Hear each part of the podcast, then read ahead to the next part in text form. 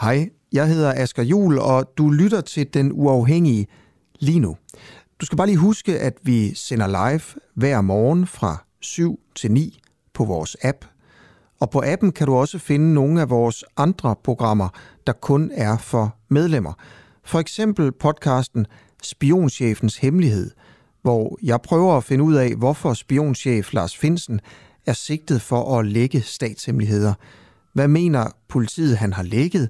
Hvorfor ordnede man egentlig ikke sådan det her i hemmelighed bag gardinerne? Hvilken rolle spillede Mette Frederiksen egentlig, og hvem er Lars Finsen? Nå, ikke mere om alt det. Du kan høre det i podcasten. Download vores app og bliv medlem, hvis du vil høre for eksempel det her program. Ja, og så slipper du i øvrigt også for den her irriterende besked i din daglige nyhedspodcast.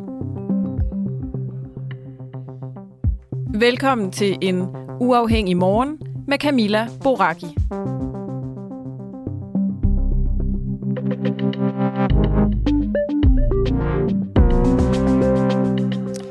Ja, godmorgen på denne fredag den øh, 6.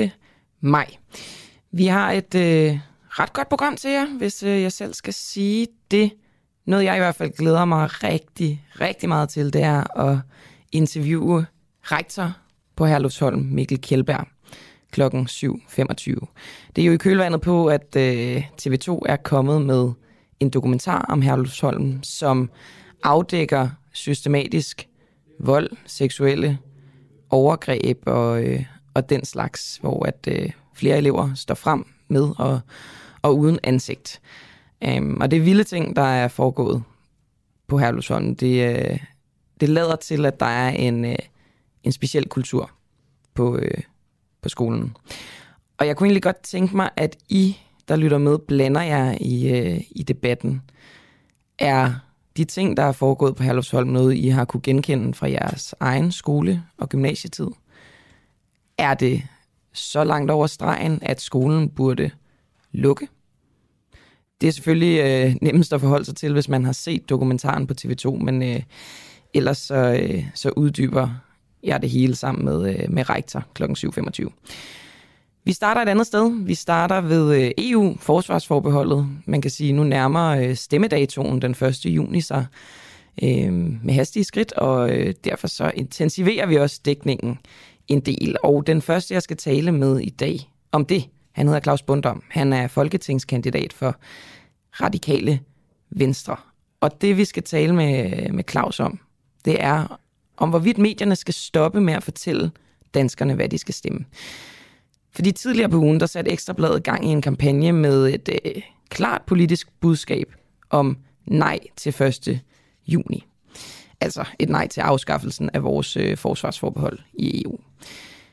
Og øh, Claus Bundam, han skrev øh, på sin Twitter i går, Ekstrabladet skulle have tur 10 for en gang skyld. Og det er så med, med henvisning til Ekstrabladets gamle slogan, tør, hvor andre tiger. Claus Bundam, øh, jeg har fornemmelsen af, at det her var en joke. Kan du ikke lige prøve at forklare den, og godmorgen? Ja, godmorgen Camilla. Uh, du glemmer faktisk en ting i citatet, fordi jeg skriver faktisk i, i tweetet, måske skulle Ekstrabladet have turet, uh, mm. bare for en gang skyld at have tid helt, helt stille, det der står. Og så en nedadvendt uh, tommelfinger. Ja, så nedadvendt tommelfinger. Øh, Altså først for at svare på dit spørgsmål, så synes jeg sådan set, det er øh, ikke, ikke sådan set, selvfølgelig øh, må medierne gerne være, øh, hvad kan man sige, give udtryk for en politisk holdning, øh, og især på lederplads, fordi det er jo det, lederen sådan set er, er til, at det er der jo ikke noget nyt i. Øh, Berlingske Tidene har øh, samme plads anbefalet ja til afstemningen, øh, politikken, som jeg selv læser som radikal, øh, øh, udtrykker jo tit og ofte politiske holdninger i sine ledere. Og det, og det, det synes jeg sådan set, øh, man, man, øh, man øh, skal gøre. Øh, når jeg kan man sige, det er ikke nogen hemmelighed, som radikal har vi jo altid haft meget svært med alle forbeholdene. Vi har gerne vil have forsvarsforbeholdet og øvrigt også de andre forbehold til, til afstemning. Vi har altid haft det svært med, at der er denne her øh, holdning til øh, EU i Danmark her, øh, efterhånden virkelig mange år efter, at, at, at vi øh, meldte os ind i unionen. Øh, så derfor synes vi sådan set, at debatten er, er rigtig god, og det er jo klart, at medierne er jo en del af, af, af den debat. Så altså, øh, øh, mit tweet, som jeg også skrev til Knud Brix efterfølgende på Twitter, altså det, det, det, det var med et, et, et, et, et glimt i øjet, et ordspil, ved underfundighed, et humor men, og så men mener du det trods alt ikke alligevel? Jeg mener, at man skal stemme ja. Altså, jeg er glødende EU-tilhænger. Mm. Men, Øh, men og- mener du, at altså, hvis vi nu prøver at tage det alvorligt, så kan du enten svare ja eller nej til, om du mener, at Ekstrabladet skulle have tid stille, det vil sige ikke lavet den Nej. her kampagne. Måske holdt sig til at skrive en leder, hvor de udtrykker deres holdning. Nej, nej, øh, nej, det mener jeg ikke. Selvfølgelig skal de sige, hvad de mener. Og de står jo også i en leder. Øh, de har bare valgt at sætte øh, lederen meget, meget stort op på forsiden. Det er set før i dansk presse, så nej, selvfølgelig skal ikke så blevet mene nøjagtigt, hvad de vil. Og jeg synes sådan set, det er fint nok, øh, øh, at, øh, at vi får nogle markante udmeldinger både fra nej-siden og fra ja-siden i det her, fordi vi er stadigvæk står vi omkring øh, 30 procent af danskerne, der ikke har besluttet sig for, øh, hvad de skal stemme den 1. juni, og, og, og, og i Radikale Venstre, der vil vi gerne opfordre til, at man, man stemmer ja, fordi at, at nu er at tiden for forbehold er simpelthen slut, der er brug for, at vi, vi har et stærkt sammenhold i Europa, ikke i mindst inden de cyberkrigstrusler, som vi kigger ind i. Er der øhm, noget, noget farligt i, og nu, nu, er, nu er det blevet understreget, at det var en, en joke, du lavede her med, med en eller anden vis tyngde, fordi du jo Ja, ja. siger ja, og Ekstrabladet siger nej. Men er der noget farligt i, at en politiker øh, laver den slags jokes med medierne, altså hvis vi nu tænker fri presse og så videre? Ja, ja. Altså, øh, som, som du måske ved, så har jeg jo en fortid som, som gammel skuespiller, og, øh, og, og hvad kan man sige, i, øh, i virkeligheden i alt kunst skal jo altid gå ind, og, og det skal alt humor også, for det er godt, skal man sige, have en eller anden relation til en virkelighed osv. Og, øh, og, og, men for at svare meget kort på dit spørgsmål, øh, nej, medierne skal ikke afholde sig for det. Medierne skal måske i virkeligheden blive endnu bedre til det, og endnu skarpere til det, fordi medierne er et af de steder, hvad kan man sige, hvor vi har øh, nogle øh, øh, debatter. Selvfølgelig skal pressen være uafhængig, og, og det ved du også selv som, som journalist. Der er nogle journalistiske principper, som man skal overholde. Øh, men der er jo den skillen imellem, om du har en journalistisk artikel, som dækker begge sider af en sag, eller sørger for, at, at, at, at kilderne er i orden, og, og der ikke står noget, som er forkert. Og så en leder. Og lederen er jo netop, øh, øh, hvad kan man sige, i hvert fald avisernes øh, sted for at kunne udtrykke, hvad, hvad, hvad, hvad de mener. Så er det jo klart, så, så, og det ved jeg ikke nok om journalistik til, men det er jo så en udfordring for, for jer, som arbejder med radio og tv. Så hvor finder man rummet til det? Fordi selvfølgelig øh, øh, skal det kunne være der. Øh, men så... det er klart, det, det begynder at blive uretfærdigt, hvis man kun giver rum til den ene side, og slet ikke til den anden side. Det, det, det synes jeg, man kan jo kan se med Fox News i USA for eksempel, og de tilstande skal vi jo ikke øh, ønske os. Så helt, Så- helt kort til sidst, Claus Bundam. Du siger, at der er en vis relation til virkeligheden, når man laver en joke. Hvad var den relation til virkeligheden i dit tweet om, at Ekstrabladet skulle Øh, tige stille? det var, øh, at der var en øh, sådan lidt underfundig spil på øh, det her meget gamle slogan, som bliver brugt i mange år, som jeg synes er rigtig godt. Tør var andre tiger. Det går ind og leger lidt med ordene med. Jamen, øh, tak for det, Claus Bundam. Velbekomme. Ha' en god dag. I lige måde. Hej. Altså folketingskandidat for Radikale Venstre, og øh, glødende ja, siger, ifølge Claus selv. Nu øh, tager vi det her spørgsmål videre til Pia Kærsgaard, som er øh, værdiordfører i Dansk Folkeparti. Altså om, hvorvidt øh, medierne skal stoppe med at fortælle danskerne, hvad de skal stemme, fordi godt nok, så siger Claus Bondom, at det er en joke, men han siger så også, at der er en eller anden vis portion øh, relation til virkeligheden, og det, altså da Ekstrabladet kom ud med denne her kampagne, at de tog øh, kraftigt stilling, de er nej-siger, de tilhører nej-siden, de synes, at vi skal beholde forsvarsforbeholdet, så kom der en, øh, en del debat om, hvorvidt at øh, et medie skal tage så kraftig stilling på den måde. Og øh, Pia Kærskov, hun blandede sig også, da Claus Bondam han øh, skrev det her tweet om, at Ekstrabladet skulle have tur 10, måske. Hun spørger nemlig, øh, om øh, Berlingske også skulle have tidet deres ja, med henvisning til, at Berlingske har skrevet i deres leder, at de, øh, i, altså i lederen, at de, øh, hvad skal man sige, tilhører ja-siden. Og det betyder jo, det her med at skrive ledere, det er jo et udtryk for en enkelstående holdning. Det behøver ikke være ligesom det samlede udtryk for et medies holdning. Jeg talte også med Knud Brix øh, i kølvandet på, øh, på den her nej-kampagne, som Ekstrabladet har. Knud Brix, der er øh, ansvarshavende redaktør på Ekstrabladet. Og han sagde, altså, når det gælder hans journalister, så må de stemme præcis, hvad de vil. De må skrive kritiske artikler om øh, nej-siden, som de vil. Så det er øh, mere på det her lederplan. Men jeg synes, det er en spændende debat, øh, fordi altså det her med mediernes objektivitet, øh, skal den deklareres, fordi det er jo svært at være 100% objektiv, eller skal man øh, bare tilstræbe det? Malene E. Husted, vores lytter, hun blander sig i den her debat. Hun skriver, øh, ja, det er ikke op til medierne at fortælle, hvad danskerne skal stemme. Mediernes opgave er at fortælle danskerne fordelene og ulemperne ved både et ja og et nej. Og så skal danskerne selv tage beslutningen. Ja, det er også en pointe. Nu, øh, nu hopper vi lige hurtigt videre. Jeg skulle have talt med Pia Kjærsgaard, men hun tager desværre ikke telefonen. Så øh, det bliver økonomi i stedet for. Sammen med øh, dig, Lars Christensen, som er øh, uafhængig international økonom, og også lidt husøkonom her i Den Uafhængige. Godmorgen. Godmorgen. Lars, vi øh, talte sammen i går om øh, en potentiel amerikansk recession, og vi kom en lille smule ind på inflationen, og så havde vi lige pludselig ikke mere tid. Og så tænkte jeg, noget. Lars, lad os, øh, lad os tale om, øh, om inflationen, fordi jeg tror, det er noget, som øh, for en gang skyld er der nogle af de her sådan, store øh, økonomiske samfundsbevægelser, som kan mærkes helt ned på forbrugerniveau, altså på, på den enkelte borger. Når vi for eksempel skal købe vores rapsolie, der lige pludselig gik fra 6 kroner til 17 kroner, eller når jeg skal købe sølvpapir, der, øh, der også lige pludselig koster 36 kroner. Ja. Øhm, og vi har på et tidspunkt snakket sammen, kan jeg huske, hvor du, så vidt jeg husker, sagde, at denne her inflation kommer primært af, at amerikanerne sådan indirekte har trykket for mange penge. Og så talte jeg på et tidspunkt med øh, overvismanden for øh, økonomisk råd, som sagde, det var ikke helt det, han mente var, var skylden for, eller som bar skylden for de stigende varepriser. Det var nærmere en forøget efterspørgsel, øh, hvor udbuddet simpelthen ikke kunne følge med. Så kan du ikke lige klargøre, hvad er hvad? Hvad skyldes inflationen? Ja, øh, Karl Johan Dalgaard har jo sådan set ret. Altså, øh, overvismanden, når han, hvis han har sagt, at efterspørgselen trækker det her. Fordi det er jo netop efterspørgselen, der har skabt en lempelig amerikansk og europæisk pengepolitik. Altså i princippet, at der bliver trykket flere penge, end der er efterspurgt.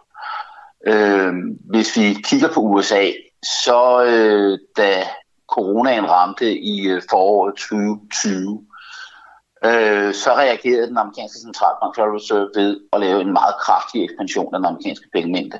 Øh, og det er sådan set fornuftig reaktion. Problemet var bare, at man blev ved i øh, halvanden to år efter det med fortsat at ekspandere pengemængden. Og det betyder nu, at den amerikanske pengemængde over de sidste to år er vokset det kraftigste, som vi har set siden 2. verdenskrig. Og øh, hvis man kigger på sine økonomiske data siden 2. verdenskrig, så kan man se, når man øh, når man laver den slags ekspansion i øh, pengemængden, jamen så kommer der inflation. Og det er jo sådan set øh, side 3 eller 4 i den økonomiske lære på, at, at inflation er resultatet af, at man trykker for mange penge. Øh, og den eneste måde at få inflationen ned på, det er at trykke færre penge. Men jeg forstod på Karl Johan Dalgaard, altså overvismanden, jeg forstod det som om, at det nærmere skyldtes en øhm, blokade altså for, øh, for varetilførselen Ja, altså du kan sige, at det der er, det er jo interessante er, at hvis vi går tilbage til de sidste to år, så øh, oh. er det jo, øh, har vi, de sidste to år har vi set inflationen øh, gradvist være stigende, øh, og, og øh, forskellige centralbanker og forskellige økonomer har øh, hver anden måned fundet for en ny forklaring for, hvorfor at inflationen stiger. Så var det fordi, der var et skib, der lå på tværs i Suezkanalen. Så var det genopblusning af corona. Så var det krig i, øh, i, øh, i Ukraine osv. osv. Men det fælles træk, som der har været hele vejen igennem, det er altså den her kraftige ekspansion af den amerikanske pengemængde og den lempelige amerikanske pengepolitik. Det er rigtigt, at vi også ser alle de andre ting. Øh, men det ser vi jo altid. Øh, vi ser jo altid, at der er forskydning af det, vi kalder de relative priser. Nu har jeg om rapsolien i stedet. Mm. Øh, så, øh, så er der jo priser, der stiger, og der er priser, der falder. Det er det, vi kalder relative priser. Det skal vi ikke forveksle med inflation. Inflation er, når det generelle prisniveau, når, altså når de fleste priser på samme tid bliver ved med at stige, mm-hmm. hos også mere end normalt. Øh, hvor de sidste 30 til 35 år har vi jo i Europa og i Nordamerika haft en situation, hvor vi har haft cirka 2% inflation. Priserne de er stedet sådan stille og roligt med om, omkring 2%. Og så ser vi altså nu priserne stige kraftigt. Når det så er sagt, så skal jeg selvfølgelig også sige, at der er forskel på Europa og USA.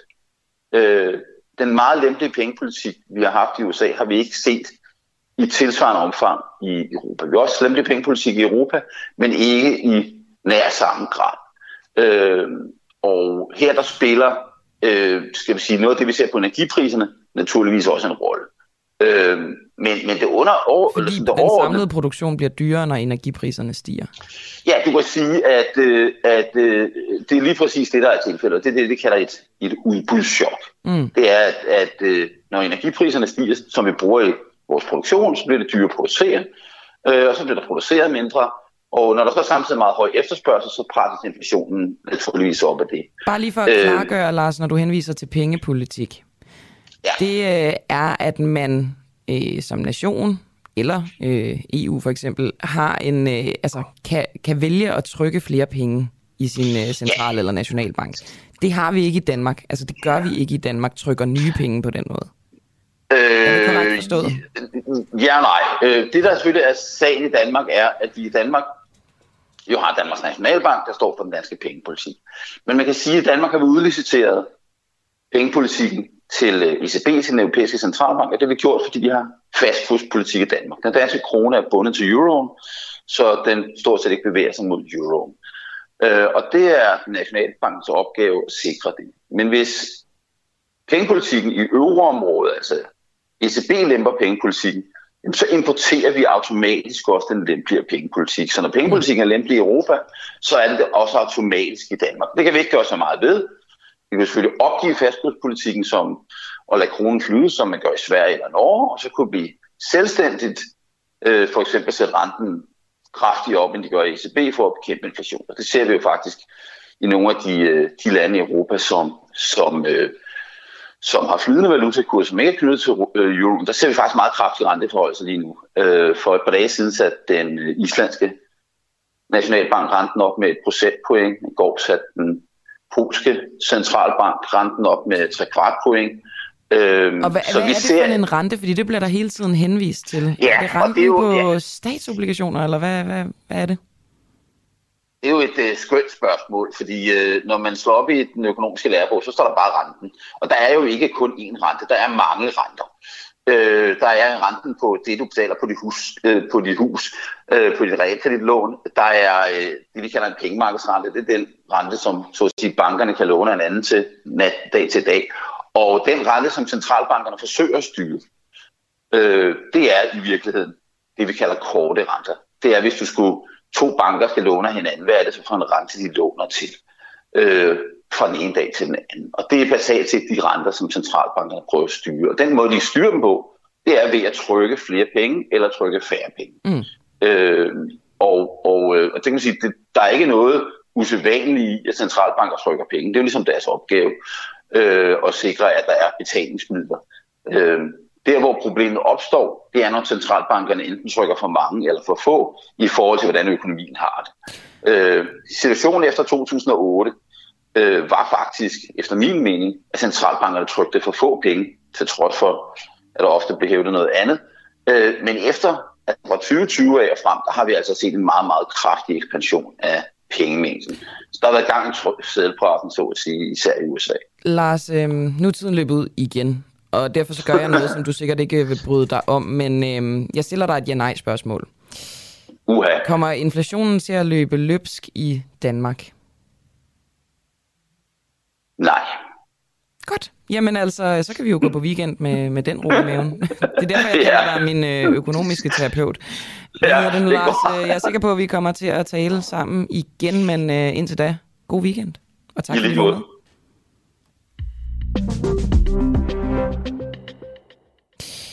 Og nu har jeg fået at vide, at vi har øh, Pia Kjærsgaard med, som er værdiordfører øh, for Dansk Folkeparti, og det er til det her spørgsmål om, hvorvidt medierne skal stoppe med at fortælle danskerne, hvad de skal stemme. Og det, det her spørgsmål, det stiller vi på baggrund af et tweet, som øh, folketingskandidaten for Radikale, Claus Bundam, han øh, skrev i går. Lidt en joke, men øh, han skrev i hvert fald, at måske skulle Ekstrabladet have ture, bare for en gang skyld, at have tiget helt, helt stille.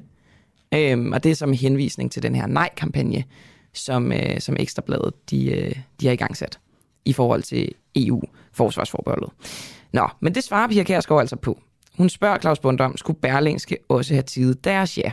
Og derfor øh, så tænker jeg, det er oplagt at spørge dig, Pia Kærsgaard, bør medierne holde sig fra at forsøge at påvirke befolkningen op til en folkeafstemning? Og godmorgen. Godmorgen. Jamen, så ville det da være første gang, at det ville ske, fordi det er jo bestemt ikke første gang. Sådan har det været. Alle de folkeafstemninger, jeg kan huske, og jeg har været med til en del øh, omkring EU. Nej, det synes jeg faktisk ikke. Altså, aviserne må gøre, som de vil. De er frie, og det skal vi da værdsætte.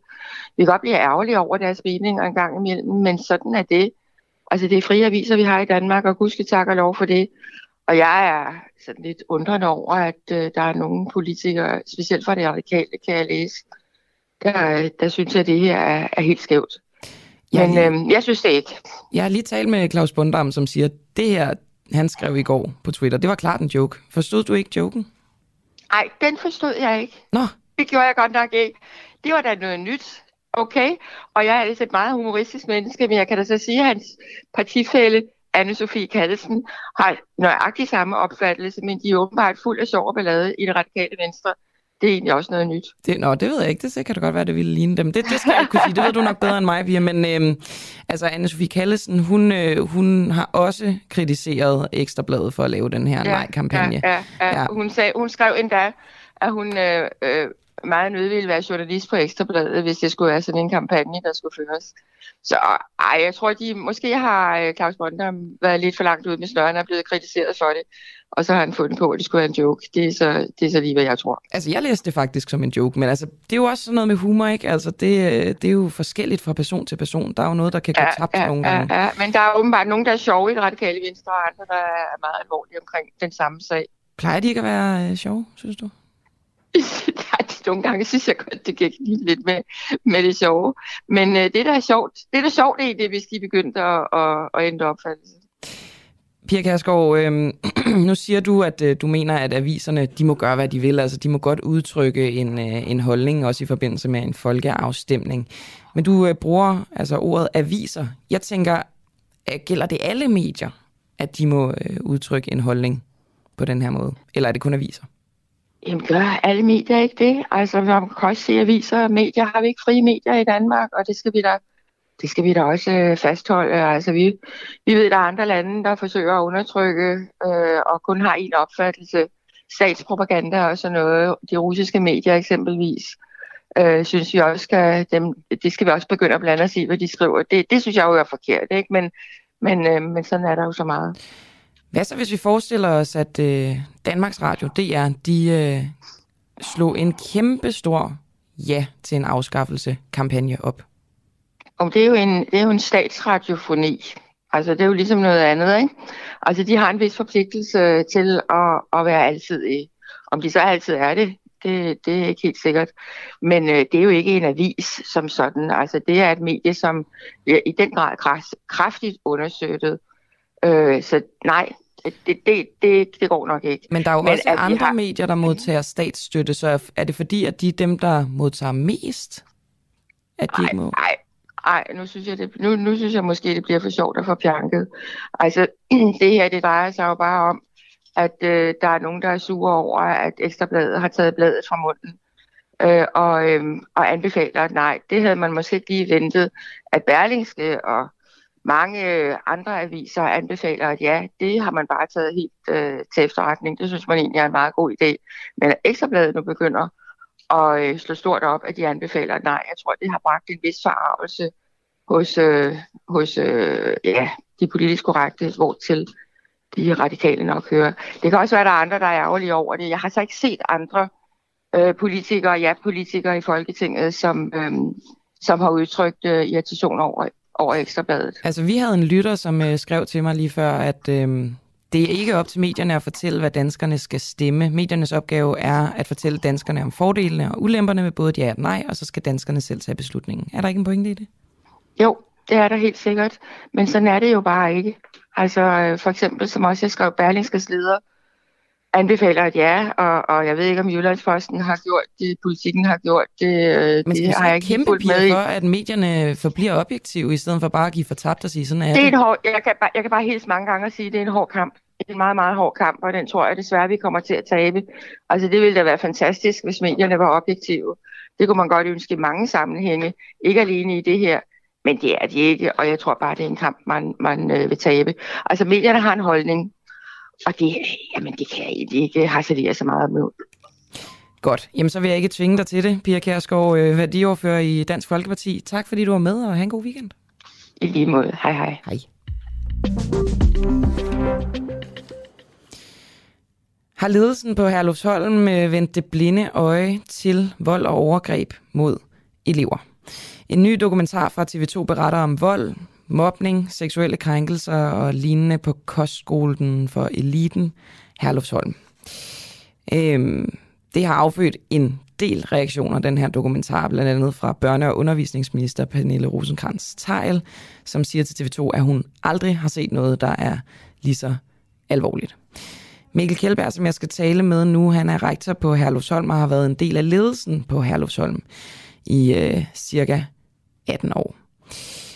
Og øhm, Mikkel øh, Kjeldberg, jeg kunne godt tænke mig at starte med at spørge dig, hvad har elevernes reaktioner været på denne her dokumentar? Kan du ikke give mig et eksempel på måske den første samtale, du havde med en elev, efter dokumentaren kom ud?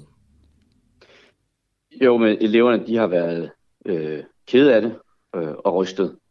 Øh, de er jo øh, kede af, at det nu bliver, det bliver set som om, at, øh, at de alle sammen øh, er en del, eller har været en del af den kultur, som øh, bliver afspejlet i den her dokumentar. Øh, så det, det, det, det er en trist stemning, øh, der er på skolen i øjeblikket. Så der er ikke nogen, der har sagt til dig, jamen, det har jeg også oplevet det her? Nej, der har ikke været nogen forbi af de elever, vi har gået på skolen nu, der siger, at det her har jeg også oplevet. Men jeg har ragt ud og bedt elever om at, at komme til mig øh, for netop øh, at hjælpe os med at komme til bunds i det her, hvis der stadigvæk er en rest af det. Og det kunne vi jo se i, øh, i november, der havde vi en, en alvorlig elevsag i november 21. Øh, og øh, jamen der fik vi også et break-up call og satte en, en undersøgelse i gang i forhold til at finde ud af, øh, hvor langt vi nåede. Og det var, øh, du kalder det et wake-up call, så det var også en af de første gange, du hører om, at det her er foregået. Det er første gang, at jeg hører i hvert fald om, at der skulle være en forestilling om, at sådan noget, der, det, sådan noget den slags aktiviteter skulle være acceptable, og der er nogen, der måske til med skulle, øh, skulle synes, at det skulle være øh, positivt, at det var sådan. Mm. Så du har simpelthen ikke haft kendskab til de her episoder, som øh, bliver fremstillet i dokumentaren? Ikke øh, på den måde, de er fremstillet. Jeg har haft kendskab til i 2019, at øh, lige da jeg var tiltrådt som konstitueret rektor, at der var øh, nogle elever, som oplevede, at øh, øh, der blev slået på dem. Og der var det, at jeg trådte frem for samtlige kostelevdrenge og fortalte dem, at det skulle stoppe med det samme. Jeg havde ikke kendskab til specifikke sager, men det var informationer, der kom til mig, der gjorde, at øh, vi handlede på baggrund af en bekymring. Hvor øh, hurtigt politianmeldte du øh, den vold, da du hørte om det? Som sagt, så havde jeg ikke øh, kendskab til enkelte sager, så der var ikke noget at politianmelde på det tidspunkt. Hvordan undersøgte du det for at finde ud af, hvad de enkelte sager handlede om? Jeg bad elever komme til mig, hvis de havde viden omkring det. Øh, og jeg rakte også ud til, øh, øh, øh til forældre. Øh, men jeg, der kom ikke noget, der gjorde, at jeg konkret kunne... Nej, så det virkede ikke. Så hvad, hvad gjorde du så for at finde ud af Jamen, det? så var det, at, øh, at jeg netop samlede alle eleverne og gjorde dem klart, Jamen, jeg mener mere i forhold til at undersøge episoderne. Altså for Jamen, jeg kom ikke længere sige, i øh, undersøgelsen. Nå, okay, så du gjorde ikke andet end at sige, at de skulle komme til dig? Jeg gjorde det, som jeg sagde lige til dig øh, før. Jeg gjorde, jeg sagde, at de skulle øh, komme til mig. Der var også drøfter på sovesalsen. Jeg holdt øh, oplæg for samtlige kostlevdrenge, øh, hvor vi øh, ansporet om at få informationer ind til at afdække det her. Og det er første gang, du hører om sådan nogle voldelige episoder? Ja, det var første gang. Du siger i øh, dokumentaren, øh, lagde jeg mærke til, at I har et fantastisk fællesskab på skolen, altså eleverne imellem. Mm. Så under det, der ligger jo selvfølgelig også et kendskab til, hvordan eleverne har det sammen socialt. Hvordan kan du ligesom vide de gode ting, uden at vide de dårlige ting? Jeg ved både gode og dårlige ting, øh, og jeg ved, at vi har et fantastisk fællesskab, og det kan vores trivselsundersøgelser øh, også øh, dokumentere. Men jeg ved også, at vi har elevsager, og det kan vores øh, statistikker over elevsager også dokumentere. Så vi har kendskab til både gode og dårlige ting. Men vi kan ikke genkende det billede af en generel voldelig kultur, som bliver tegnet i dokumentaren. Men vi kan se nu, øh, at de sager, vi har haft, dem kan vi se i et, øh, i et andet lys, og vi kommer til at skærpe vores øh, ordensregler massivt. Det skal være tydeligt for enhver, at vold er eksklusionsgrund, og udover at vold det er bortvisningsgrund, så skal vi sikre, at vi altid inddrager relevante myndigheder. Det er politi og kommune. Øh, og vi har bedt eksterne om at undersøge, øh, om der er blevet begået fejl. Og er, det, er der sket det, jamen, så skal vi lære af det, og så skal vi gøre det bedre. Var det her ikke et gigantisk chok for dig, den her dokumentar?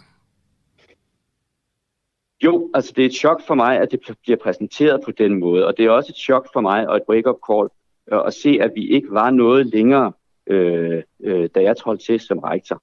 Øh, så de tiltag, jeg har taget, da jeg trådte til som rektor med at give sovesælslærerne mere arbejdstid, så de kunne komme endnu tættere på kosteleverne, og øh, sikre mentorordninger for alle, og vi har trivselslærer og unge rådgiver. De har skulle øh, arbejde ud fra et fundament, det fundament har måske ikke været noget så langt i forhold til at gøre op med tidligere tiders hård kultur. Ja, du har ligesom øh, taget tilsag, da du kom til som rektor, men ja. mange af de her voldsomme oplevelser, der bliver berettet om i dokumentaren, det er jo så også nogen, som faktisk er startet et år eller samme år, som da du blev rektor. Så det lyder ja, ikke som om tiltagene har gjort den store forskel. Og det kan du ikke konkludere ud fra det, fordi da jeg trådte til som rektor, så er der, skal der ske nogle tiltag, og så skal der ske en ændring. Men det vi kan se ud af den sag, vi havde i november 21, det er, at vi ikke er nået langt nok. Derfor gør vi yderligere nu. Jeg synes, det er ret interessant, øh, det her med, at det eneste, du gjorde, da du hørte om voldsepisoder, det var at holde et oplæg for drengene, ligesom øh, skærpe over for dem, hvad, der ville, øh, hvad konsekvenserne kunne være, og så opfordre dem til at komme til dig. Altså, der foregår vold på din skole. Elever bliver tævet af andre elever. Seksuelt krænket. Hvorfor gjorde du ikke mere? Du lægger ord i munden på mig, og du øh, præsenterer det på en måde, der ikke er retvisende. Jeg okay. hørte, at der var elever, øh, der var blevet slået på. Jeg ved ikke, hvilke elever det var. Jeg ved ikke, hvem der slog, men jeg tog øh, øh bekymringen alvorligt og tog det op. Du blander seksuelle krænkelser ind i det billede, og det er ikke retvisende. Okay, det beklager jeg. Men de er blevet slået på. Det er altså vold. Det er fuldstændig korrekt, og derfor tog jeg det op. Men jeg havde ikke kendskab til konkrete voldsepisoder, det vil sige, jeg havde ikke baggrund for at politianmelde. Men vi har, har inviteret eksterne eksperter ind for at undersøge, om vi er gode nok til at inddrage myndighederne, og det er herunder politi og kommune. Altså det gjorde du dengang, Og er vi ikke gode nok, så skal vi blive bedre. Nej, det har vi gjort nu. Men hvorfor dengang gjorde du det ikke dengang? var der ikke noget. Altså, Men det er fordi, at der var jo ikke jeg for, en konkret sag Jeg forstår godt, at du ikke har en konkret sag at anmelde, men du kunne jo godt have inviteret eksterne eksperter ind til at undersøge kulturen og miljøet. Vi er løbende i dialog med SSP, og vi er løbende øh, i dialog med eksterne eksperter. Vi har haft eksterne eksperter ind og holde præventiv øh, oplæg i forhold til øh, negativ kultur. Vi arbejder løbende sammen med eksterne. Men nu kan vi se, at der er øh, behov for at få afdækket, om vi har gjort det godt nok. Og det gør vi så. Er de her sager, vi hører om i dokumentaren, er det noget, du betragter som enkeltsager, eller er det noget, du betragter som en del af en større kultur? De sager, vi hører om her i dokumentaren, det er meget, meget alvorlige sager. Og den måde, de bliver præsenteret på i dokumentaren, hvor der bliver trukket episoder op øh, fra langt tilbage i tiden, det, det ligner et mønster. Og det er det mønster, som øh, vi har arbejdet meget lang tid på at få brudt op med, og som vi har øh, vi er kommet langt, men vi kan se, at vi er ikke kommet helt i mål. og at vi skal gøre meget mere, fordi den episode, vi havde i november, den var meget alvorlig, og det var et wake-up call. Og så, det er den her udsendelse Så I er kommet langt, siger du? Det vil sige, det har været værre tidligere? Du, du kan se i uh, dokumentaren netop også dem, det har været. Så det har jo været år. Hvad er det for nogle øh, episoder, som har været endnu værre end dem, som vi hører det er, dem, det er dem, du ser i dokumentaren. Dem, du ser i dokumentaren, er jo netop tidligere hændelser. Okay. Så det er de hændelser, jeg refererer til fra, som repræsenterer en hård kultur. Og er... det er dem, som jeg har arbejdet med at gøre op med, siden jeg trådte til som rektor. Er det gået hurtigt nok? Det kan vi se ud fra den episode, vi havde i november, at det er ikke gået hurtigt nok, og derfor skal der sættes ekstra fart på. Så er du den rette rektor til at administrere den her kulturændring?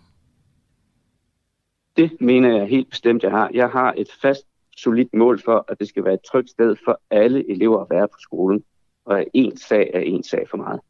Men du siger også selv, at det ikke er gået hurtigt nok, og du øh, siger også, at det her er meget, meget alvorligt. Så har du overvejet, om du måske ikke er den rigtige til jobbet? Det har jeg ikke overvejet. Den her opgave den er alt for vigtig til at løbe fra den nu. Den skal sættes fart på opgaven, og vi skal arbejde videre for at komme helt i mål med den kulturændring, vi har sat i gang. Men du har jo forsømt at sætte fart på indtil nu. Jeg har sat fart på. Men du siger stadig... Nej, ikke noget skal... men. Jeg har sat fart på. Jeg har sat fart på. Jeg har i gang sat den her proces, og der skal yderligere fart på, men jeg har sat fart på. Men du siger også, at det ikke er gået hurtigt Nej, nok. Nej, du kan ikke sige men hele tiden. Det siger jeg ikke. Ja, jeg, jeg, jeg siger, jeg har sat fart på. Jeg siger, noget. jeg siger, at vi er øh, i gang med processen, og vi skal sætte endnu mere fart på. Okay, så vi er det, er ligesom, mål. det er ligesom en, en proces, der har været fart på.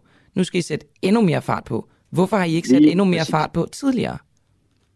Jamen, det er, det er jo sådan et relativt begreb. Vi har ud fra den virkelighed, øh, vi har oplevet, og jeg skal huske at sige, at den virkelighed, virkelighed som bliver øh, tegnet i dokumentaren, det er ikke virkeligheden på skolen. Men vi har haft en episode her i november, som er en rest af tidligere tiders negativ kultur, og vi skal sætte ekstra ind, fordi vi skal være helt sikre på, at den slags sager ikke gentager sig. Der skal ikke være voldelig adfærd på vores skole. Grunden til, at jeg ligesom hænger mig fast i det her med fart på processen og kulturændringen, det er bare, når du siger, der skal endnu mere fart på, i det ligger der jo også, at I vil gøre endnu mere. Hvorfor har I ikke gjort endnu mere før, når I har haft kendskab til de her episoder? Det har været en lang rejse. Øh, tiden udvikler sig, og vi kan se øh, episoderne nu i et øh, øh mere nutidigt perspektiv, og vi tager fat og dykker ned i vores traditioner og ser, om der er nogle af de ting, som kan tolkes til at være understøttende for en voldelig eller hierarkiskabende kultur. Var vold i 2019 mere okay end i 2022? Nej, det var det ikke. Så hvad er det for en ændring i samfundet, der gør, at nu tiden inde til at speede processen op? Det er den, det, at eleverne kommer til os. Der, eleverne øh, heldigvis vil ikke øh, finde sig i krænkelser. Det har man måske kunne gjort tidligere, men når du refererer til, om vold var okay i 2019, så skal du huske, at også dengang tog vi fat i vold. Der er rigtig mange episoder fra den her udsendelse, som går meget langt tilbage, helt tilbage fra 80'erne. Og nej, dengang var vold heller ikke acceptabel. Du siger, at øh, billedet, der bliver tegnet i dokumentaren, ikke er retvisende. Anerkender ja. du øh, elevernes oplevelser, som bliver fremlagt i dokumentaren? Ja, jeg anerkender, at de fortællinger, de har omkring, at de har været udsat for de her ting, som er helt utilstedige udsat for eller været vidne til. Den slags øh, episoder, den har jeg ingen grund til at, at, at, at mistro, at det skulle være rigtigt. Øh, så Tænker du, det anerkender, der... jeg anerkender ikke øh, øh, de formodninger om, øh, øh, som ligger i udsendelsen af, at ledelsen har været bekendt med de her ting og har kendt de her beskrivelser, øh, som der blev lagt frem. Der er nogle formodninger der, og jeg, havde, jeg ville ønske, at de var kommet til mig på det tidspunkt, eller den daværende rektor, fordi så kunne vi have ageret meget mere øh, tydeligt i de her tilfælde. Er man en dygtig rektor, hvis sådan nogle ting kan foregå under næsen på en? Jeg øh, skal ikke være den, der vurderer mig selv. Det er min bestyrelse, der øh, vurderer øh, øh, det. Men synes du, at det er dygtig ledelse, at sådan nogle voldsomme episoder kan finde sted, uden at man har kendskab til det? Jeg synes, at jeg har gjort alt, hvad der står i min magt for at øh, arbejde med trivsel på Herlevsholm skole. Og det er en proces, som jeg vil målrettet arbejde videre med. Vil du garantere, at du ikke har haft kendskab til de her øh, episoder? Jeg kan garantere, at jeg har haft kendskab til nogle af episoderne, og andre episoder har jeg ikke haft kendskab til, og andre episoder har jeg ikke haft kendskab til i den øh, format, som de bliver beskrevet. Tror du, at øh, de episoder, der bliver fortalt om i dokumentaren, og dem, du har haft kendskab til, og dem, der er sket gennem årene, er de eneste? Eller tror du, at der også er et mørketal i forhold til, at der er nogle af eleverne, der kan have haft svært ved at stå frem, og der altså har været flere det, øh, episoder, som du ikke har kendt til? Det er noget af det, vi gerne vil afdække, og derfor har vi øh, skrevet ud til øh, alle elever, som er dimitteret fra os inden for de sidste tre år, og bedt dem om at vende tilbage. Og vi har skrevet ud til alle nuværende elever og alle nuværende elevers forældre. Og jeg appellerer også til alle elever, der tidligere har gået på skolen, om at række ud til skolen, så vi kan øh, få viden og få en forståelse for de dynamikker, der måtte have været på skolen, og som eventuelt stadigvæk er på skolen. Hvordan skal de konkret det her det er en skole med 600 unge det, de skal mennesker, ud som, til at fortælle om øh, deres oplevelser? Og vi kan ikke være overalt, fordi de har jo også deres privatliv. Det er, så vi kan ikke være overalt, men vi skal være tæt nok på til, at de tør at komme til os, og øh, til at vi kan se øh, på trivselsparametre, om øh, der er steder, hvor vi skal øh, træde til. Hvem er det, I, øh, at de skal række ud til helt konkret? Hvem er de, de har opfordret til, til, de skal række ud til? De skal række ud til skolen, eller de skal række ud til skolens bestyrelse. En hver person øh, på skolen kan de række ud til, så skal vi nok øh, tage fat. Men hvad, altså, der er ikke noget, noget, altså en konkret person, som er ligesom den, der varetager og tager imod øh, elevernes øh, oplevelser? Jeg anbefaler, at de rækker ud til mig, men hvis de hellere vil række ud til en anden, så er de hjertens velkommen til det. Og det har jo så måske ikke rigtig fungeret indtil nu, så har I overvejet, om der kunne være noget i det, altså om man skulle indsætte en, som de føler sig trygge ved at række ud til? Vi har øh, øh, rigtig mange personer, de føler sig trygge til ved, og de kan også føle sig trygge ved mig. Men hvorfor har de så ikke rækket ud til også, jer indtil nu? Øh, jamen, du arbejder ud fra en præmis om, at der er en masse negativ kultur på skolen, og at der er en masse, der har behov for at række ud der er elever, der rækker ud. Vi har opdaget sager. Vi har opdaget en sag så sent som her i november, som var en ganske alvorlig karakter. Jeg tror bare, at grunden til, at jeg arbejder ud fra den præmis, det er, at jeg ville som rektor tænke, det her kan ikke være enestående. Og så vil jeg måske sikre mig, altså i den her proces med at få afdækket det helt, vil jeg måske ændre proceduren for, det hele handler jo om at få eleverne til at fortælle, hvad der foregår. Så vil jeg nok ændre proceduren for, hvordan de skulle berette om det her. Forsøge at skabe Jamen, det er fordi, du ikke øh, kender vores øh. Vi har trykkerum, vi har unge rådgiver, vi har sygeplejersker. Men når du ikke har været bevidst, Mikkel Kjellberg, om det, der er sket på skolen man kan indtil nu, når der er episoder, der er gået under næsen jeg på dig, har jo netop hvordan kan det være sket, hvis I har et trykrum, hvor eleverne kan berette om det, der er foregået? Jamen, det har... Det, vi har jo netop øh, haft opmærksomhed på sager, vi har ageret på sager. Vi har ageret ganske resolut på sager. Men hvordan kan de så være gået under næsen på dig? Det er de jo netop ikke. De er jo ikke gået under næsen. Men du har jo ikke hørt om alle de ting, der er foregået i dokumentaren. Det siger du selv. Så Jamen, er alle de ting, der er foregået i dokumentaren, er jo ikke sket på det tidspunkt, jeg har været rektor. Og... De to elever, de startede på Herlufsholm henholdsvis 18 og 19. Du bliver rektor i 19. Ja, og noget af det, som de fortæller, det har jeg netop hørt om, og det har vi ageret på. Der er rigtig meget fra den dokumentar, som rækker meget længere tilbage. Men hvorfor er det så ikke blevet politianmeldt, hvis du har hørt om det? Det har vi været forbi, og det har jeg fortalt dig om. Det er fordi, at du ikke havde kendskab til den konkrete sag, siger du. Men så har der jo netop ikke været et trygt rum, hvor de her to elever, som står frem med ansigt i dokumentaren, har kommet til dig. Så hvorfor de skaber du ikke... hele tiden at skabe et trygt rum. Men det har bare ikke fungeret, så jeg vil gerne... for at henvende sig. Men hvordan kan det så være, at de to elever ikke er kommet til dig med deres historier? Det, det synes jeg egentlig, du skulle tale med de to elever om. Jeg vil også ønske, at de var kommet til mig med deres historier på det tidspunkt. Er det deres opgave at skabe et trykrum på skolen, hvor man kan berette Nej. om, hvis der sker noget, øh, noget som vold? Nej, det er ikke deres opgave. Vi har et trykrum for at berette. Man kan, anvende, man kan henvende sig anonymt, eller man kan henvende sig direkte til unge rådgiver, trivselslærer, sygeplejerske eller leder. Men det har de jo ikke gjort. Alle elever har en mentor, de kan henvende sig til. Men det har de jo ikke gjort. Er det deres egen skyld, at de ikke har gjort det? De, jeg synes ikke, vi skal placere skyld på de her stakkels elever, som har været udsat for øh, voldelige episoder. Det er ikke fair. Men, Men hvis det er heller ikke fair skyld, så er det jo... at beskylde skolen for, at, at vi ikke har rammer for at henvende sig. For det har vi. Vi har masser af steder, hvor eleverne kan henvende sig trygt. De kan henvende sig til ungerådgiver, de kan henvende sig til sygeplejerske, trivselslærer, mentorer, ledelse, de kan sågar henvende sig anonymt. Så der er masser af muligheder.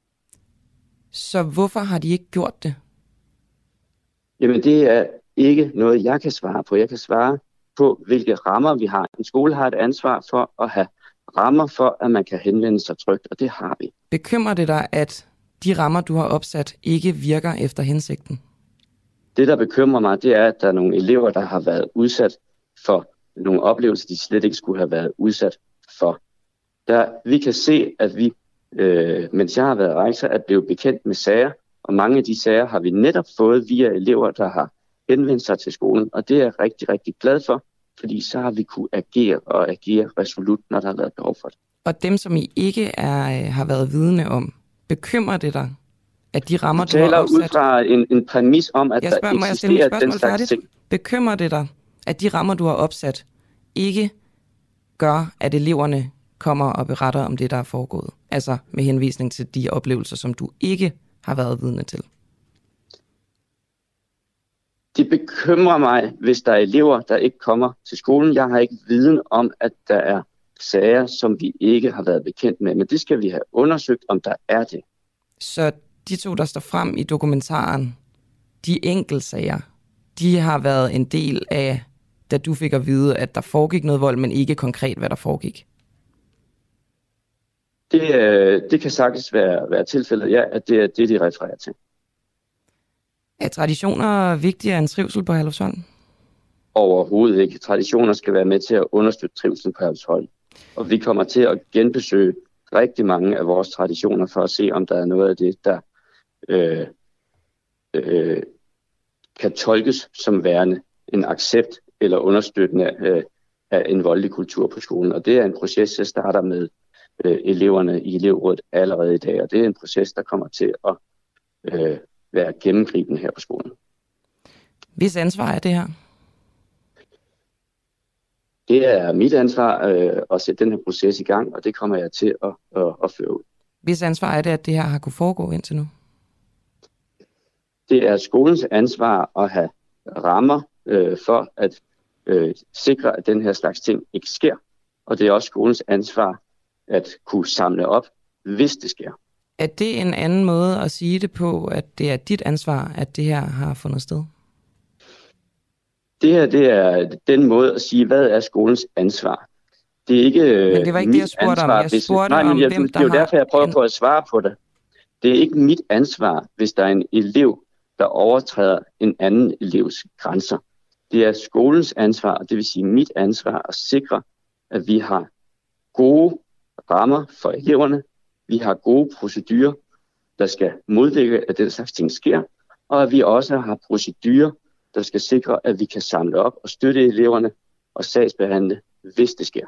Føler du, øh, Mikkel Kjeldberg, og måske skal jeg lige sige, at du er rektor på Herlevsholm, at du har svigtet dine elever? Nej, det føler jeg bestemt ikke. Jeg føler, at jeg kæmper for mine elever. Vil du sige undskyld på vegne af skolen til de elever, der har oplevet de her ting? Hvis der er elever, der har oplevet nogle ting, så vil vi gerne række ud, og øh, vi vil til bunds i de sager, og der, hvis der er behov for at sige undskyld, så gør jeg også gerne det.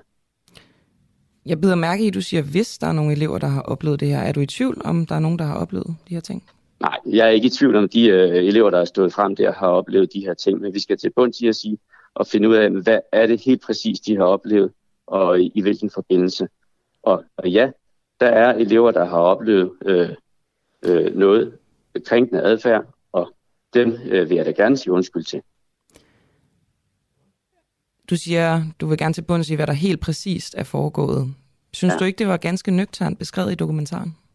Nej, det synes jeg ikke. Jeg synes, dokumentaren øh, øh, bruger øh, en masse øh, formodninger. Jeg synes, dokumentaren trækker en masse eksempler op fra, øh, fra tidligere tid til at sætte nye enkeltstående episoder i et, i et, øh, et forkert lys. Jeg synes ikke, at dokumentaren tegner et retvisende billede af hverdagen på skolen. Okay.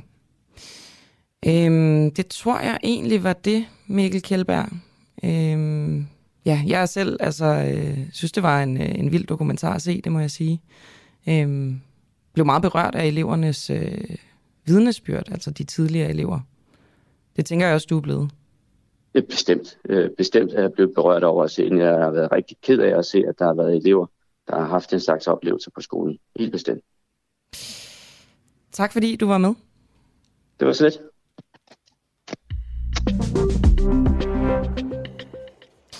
Ja, fra øh, Herlufsholm til øh, EU-forbeholdet. Endnu en gang. Nå nej, det er forkert. Jeg øh, sidder og ruder i mine manuser. Nå, men så kan jeg da måske i hvert fald sige, at klokken den er blevet lige godt 7.50 her fredag den 6. Navn. maj. Mit navn det er Camilla Boraki. Jeg er jeres vært her på en uafhængig morgen. Og vi skal ikke til EU-forsvarsforbeholdet. Nej, vi skal til Forskningsdanmark, fordi øh, spørgsmålet er, om danske forskere bliver udsat for systematisk chikane. En række forskere, der arbejder med emne som øh, køn, racisme, migration og ligestilling, fortæller til hjemmesiden Forskerforum, at de bliver udsat for systematisk chikane. En af dem, der har klaget, øh, det er Jakob Nauer, og øh, han klagede over, at medierne, han klager over, at medierne, øh, at for, undskyld, nu råder I det. Jakob Nauer klager over, at han mener, at forskerne anvender deres egen hukommelse som data i undersøgelsen af relation mellem race og videnskab. Og Jakob Nauer, øh, nu kluder jeg lige lidt rundt i det. Du er jurist og borgerlig debattør, og øh, vil du ikke lige klargøre, hvad er det helt præcis, du har klædet over? Og godmorgen. godmorgen, godmorgen. Jo, men øh, tak for taltid. Jeg har glædet over en række forskere, som anvender en såkaldt autoetnografisk metode. Og det er et fint ord, som, hvad skal man sige, almindelige mennesker har selv ved lidt at tyde. Men hvis man dykker ned i det, og simpelthen bare læser, hvad det er, de selv skriver, og gider på tiden på det, så kan man jo se, at de anvender egne dagbogsoptegnelser til at konkludere fuldstændig vanvittige ting. Øh, det går jo selvfølgelig ikke, fordi så er vi, uden, altså, så, er vi så langt uden for, hvad der må anses for sådan, hvad skal man sige, redelig forskningspraksis, at, at det, det er nødt til at gøre noget ved. Det er for skørt. Og det her auto, den øh, autoetnografiske metode, den er internationalt anerkendt som øh, videnskabelig metode, også øh, på peer review og så videre, men kan du ikke lige fortælle mig, Jacob Nauer, du bryder dig ikke om den her metode. Hvor mange mails med klager har du sendt til øh, sådan øh, forskere, altså enkeltstående forskere? skal lige adskille tingene. Jeg har skrevet mails til de forskellige forskere øh, for at komme i snak med dem, for at debattere lidt med dem omkring de her metoder og sådan noget, synspunkter, de kommer frem til. Det er den ene del af mine aktiviteter. Den anden del af mine aktiviteter, det er, at jeg har jo fundet ud af, at øh, uredelighedsloven giver jo fin mulighed for, at enhver har lov til at indsende en klage. Og der har jeg indtil videre sendt øh, ja, 6-7 stykker, og så er der 3-4 i proces.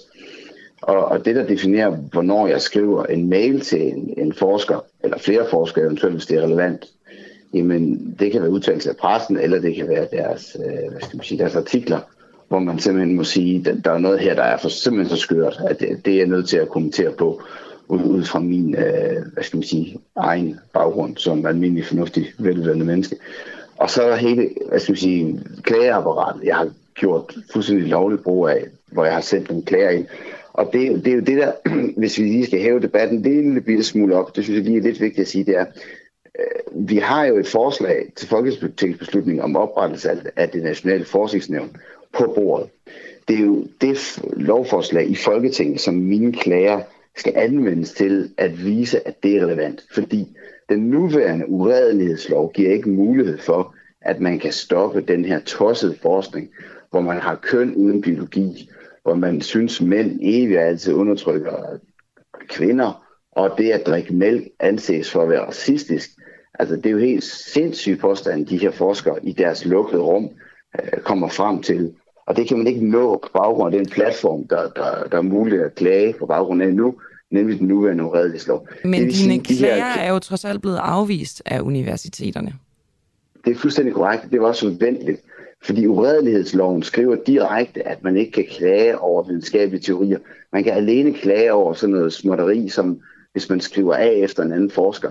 Men det er jo ikke interessant, og det kan slet ikke ramme sådan nogle skøre ting, som vi har med at gøre her.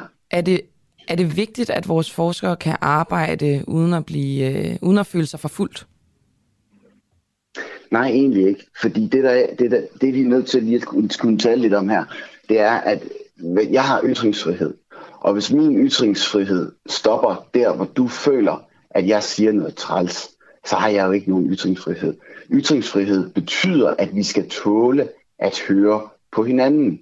De her forskere, når de siger nogle skøre ting, så må de jo forvente, at der er nogen, som kommer med en modreaktion. Men min tanke var bare, at når det her, altså man kan sige, universiteterne accepterer autoetnografisk metode som videnskabelig metode.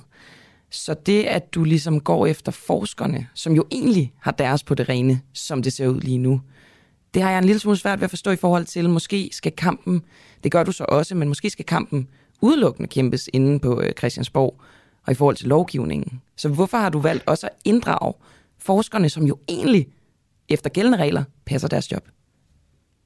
Der er jeg nødt til lige at stoppe dig, fordi du lægger en bestridt forudsætning ind, nemlig at jeg går efter forskerne. Det er ganske enkelt ikke korrekt. Jeg går efter forskningsresultater og forskningsartikler. Nu er det jo bare sådan, at de her forskningsresultater og artikler er fremkommet af mennesker. Og så er jeg nødt til at henvende mig til disse mennesker vedrørende deres forskning. Okay. Og du har jo fuldstændig ret, at vi skal have det i en større sammenhæng. Og det er lige præcis derfor, at, at jeg, jeg vil gerne snakke om forskernes følelser. Øh, det, det, er jo, ja, det må de jo ikke selv øh, lægge rundt med. Men det handler altså først og fremmest om det her forslag til folketingsbeslutning om oprettelse af det nationale forskningsnævn. For at vise, at det er nødvendigt, så skal vi jo have noget data, så vi kan træffe en afgørelse på baggrund af det. Det data, det er mine klager og afvisningen af dem. Det er jo helt indlysende, at når man afviser en klage over, at en forsker anvender egen, hukom, egen hukommelse som videnskabelig data, så er der noget galt. Og det er jo et selvmål af rang, at det er i tusindvis af de her artikler forekommet. Jeg har kammerater, der har skrevet specialer inden for de nogle områder, hvor de også har anvendt den her metode. Det er jo sindssygt. I og vi sammenhæng skal med andre metoder, skal vi skynde os at sige. Nej, de artikler, jeg har klaget over, de har i udpræget grad anvendt alene den autoetnografiske metode. Det er det ene. Vi er nødt til lige at have med os, at det, som man konkluderer på baggrund af de her autoetnografiske metoder, det er jo skøre ting, som at det at drikke mælk, det er racistisk, eller at bare fordi man er brun, jamen, så er man dermed undertrykt, eller at visse ord, der blev sagt til en i kantinen, det er udtryk for racistisk. Altså, Men er det ikke man, også man, en, afgør, en afhørt af en, en kvalitativ metode et eller andet sted? Jamen, der er ikke noget galt med kvalitative metoder. Det nytter bare ikke noget, at den kvalitative metode primært består i dine egne dagbogsoptegnelser. Du må gerne have dine dagbogsoptegnelser. Det er fint. Vi skal bare ikke have staten til at finansiere det. Du må gerne skrive ned fuldstændig, hvad du vil. Der er ytringsfrihed. Selvfølgelig er det det. Men når det er, vi kan jo ikke have statsfinansierede racister til at sidde på de forskellige universiteter og, og belære os andre om, at vi er dårlige mennesker på baggrund af deres egen hukommelse. Det er ikke forskning, og det skal kunne nås af fornuften, og det er derfor, at vi skal have det fine, det nationale nye forskningsnævn, til erstatning af den nuværende uredelighedslov. Sagde altså Jakob Nauer, udtaler jeg dit efternavn korrekt? Ja, Jakob Georg Nauer, det er korrekt. Jurist og borgerlig debattør, tak fordi du var med.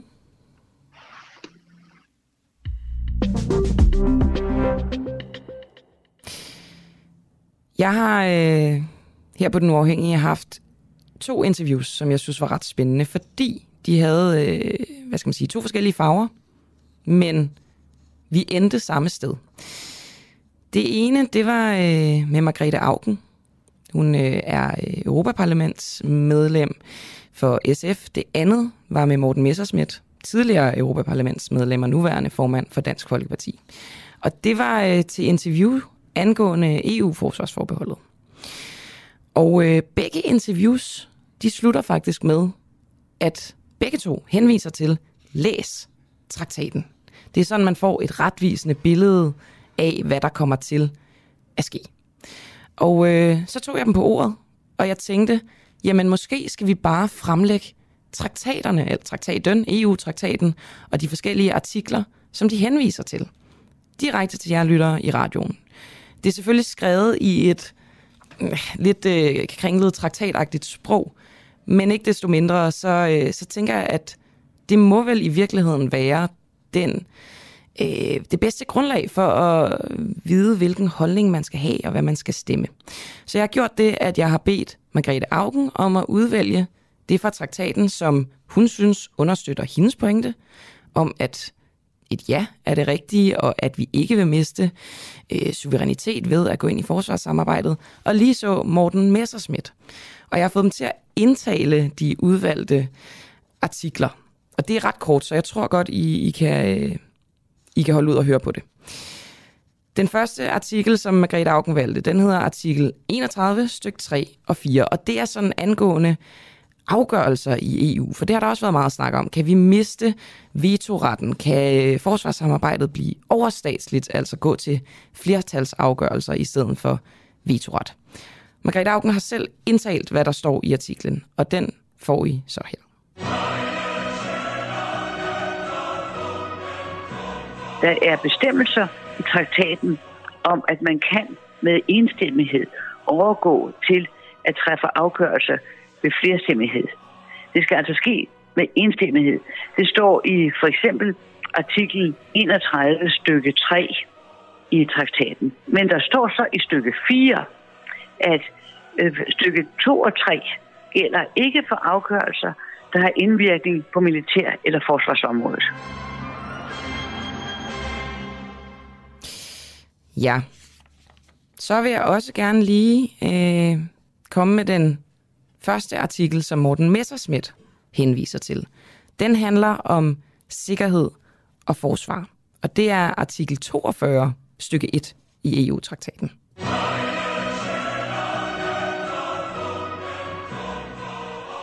Artikel 42. Rækkevidden af den fælles udenrigs- og sikkerhedspolitik. Den fælles sikkerheds- og forsvarspolitik udgør en integrerende del af den fælles udenrigs- og sikkerhedspolitik. Den sikrer unionen en operationel kapacitet, der gør brug af civile og militære midler. Unionen kan anvende disse i forbindelse med opgaver uden for unionens område med henblik på fredsbevarelse, konfliktforebyggelse og styrkelse af den internationale sikkerhed i overensstemmelse med principperne i de forenede nationers pagt. Okay. Jamen, øh, det var så to øh, forskellige. Altså, Margrethe Augen øh, handlede mest om det her med, hvordan afgørelser bliver truffet, og Messerschmidt øh, handlede så om, hvad skal man sige, fremtiden for, øh, for forsvarssamarbejdet. Det, der så er interessant, fordi de fik lov at komme med, med en mere, det er, at de valgte simpelthen den samme. Og Margrethe Augen med ligesom henvisning til, at der ikke er noget fare på færre, der er ingen suverænitetsafgørelse. Vi kan ikke, altså det her er ikke en glidebane, hvor vi lige pludselig mister beføjelser som nation. Øhm, og Morten Messersmith bruger så den samme artikel til at vise, at, øh, at det her samarbejde i sidste ende vil være en glidebane, der vil føre til et fælles forsvar. Og nu spiller jeg ligesom øh, altså begge oplæsninger af artikel 42 stykke 2, som det er. Og så øh, synes jeg selv, I skal afgøre, hvem af dem, der har ret. Her er Margrethe Augen først. Hvis man så går hen og siger, hvordan er beslutningsprocessen på forsvarsområdet, og der står der, at det europæiske råd, altså statsministerne, med enstemmighed træffer afgørelser herom. Det henstiller i så fald til medlemsstaterne, at de vedtager en sådan afgørelse i overensstemmelse med deres forfatningsmæssige bestemmelser. Altså Danmark, grundloven. Jeg vil sige, at Margrethe Augen, hun udplukker noget fra stykke 2 her. Øh, hun hopper ligesom ind et sted, hvor at der forud for det står, det vil føre til et fælles forsvar. Men øh, lad os se, hvor meget Morten Messerschmidt tager med af artikel 2.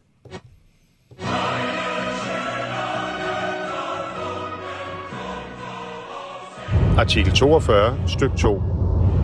Den fælles sikkerheds- og forsvarspolitik omfatter gradvis udformning af en fælles EU-forsvarspolitik. denne vil føre til et fælles forsvar, når det europæiske råd med enstemmighed træffer afgørelse herom. Det henstiller i så fald til medlemsstaterne, at de vedtager en sådan afgørelse i overensstemmelse med deres forfatningsmæssige bestemmelser. Der kom den altså i fuld længde. Jeg, jeg er i tvivl om denne her øvelse. Jeg synes, det var en rigtig god idé at, øh, at høre altså, traktaterne direkte oplæst. Men jeg ved ikke, om man bare sidder tilbage og sådan, det, det forstod jeg ikke noget af. Øhm, det, der står til sidst i denne her artikel 42 stykke 2, som de begge to bruger, altså Augen og Messerschmidt, det er, øhm, det er det her med, at en sådan afgørelse skal træffes i overensstemmelse med landenes forfatningsmæssige bestemmelser. Det er altså en henvisning til grundloven. Og der kan man jo så diskutere, om grundloven sikrer, at skulle det blive øh, hvad skal man sige, et overstatsligt samarbejde, at vi så skal til folkeafstemning igen. Det er også noget, der bliver debatteret. Øhm, vi fortsætter selvfølgelig med at dække øh, forsvarsforbeholdet frem mod afstemningen, men lad mig gerne lige vide, om den her øvelse med at få læst traktaten højt, gav det jer noget? Gav det jer en mere objektiv, uvældig øh, grundlag for den en holdning, eller var det bare sådan noget, der gik ind af det ene øre og ud af det andet? Hej, du lytter til Den Uafhængige på podcast. Husk, at du også kan lytte med, når vi sender live hver morgen klokken 7. Download vores app, Den Uafhængige, og tryk på play-knappen. Det er helt gratis. Du lytter lige nu til Den Uafhængige. Danmarks måske mest kritiske, nysgerrige og levende radio. Hvis du har en god idé til en historie, så skriv til os på Facebook eller send os en mail. Adressen finder du på hjemmesiden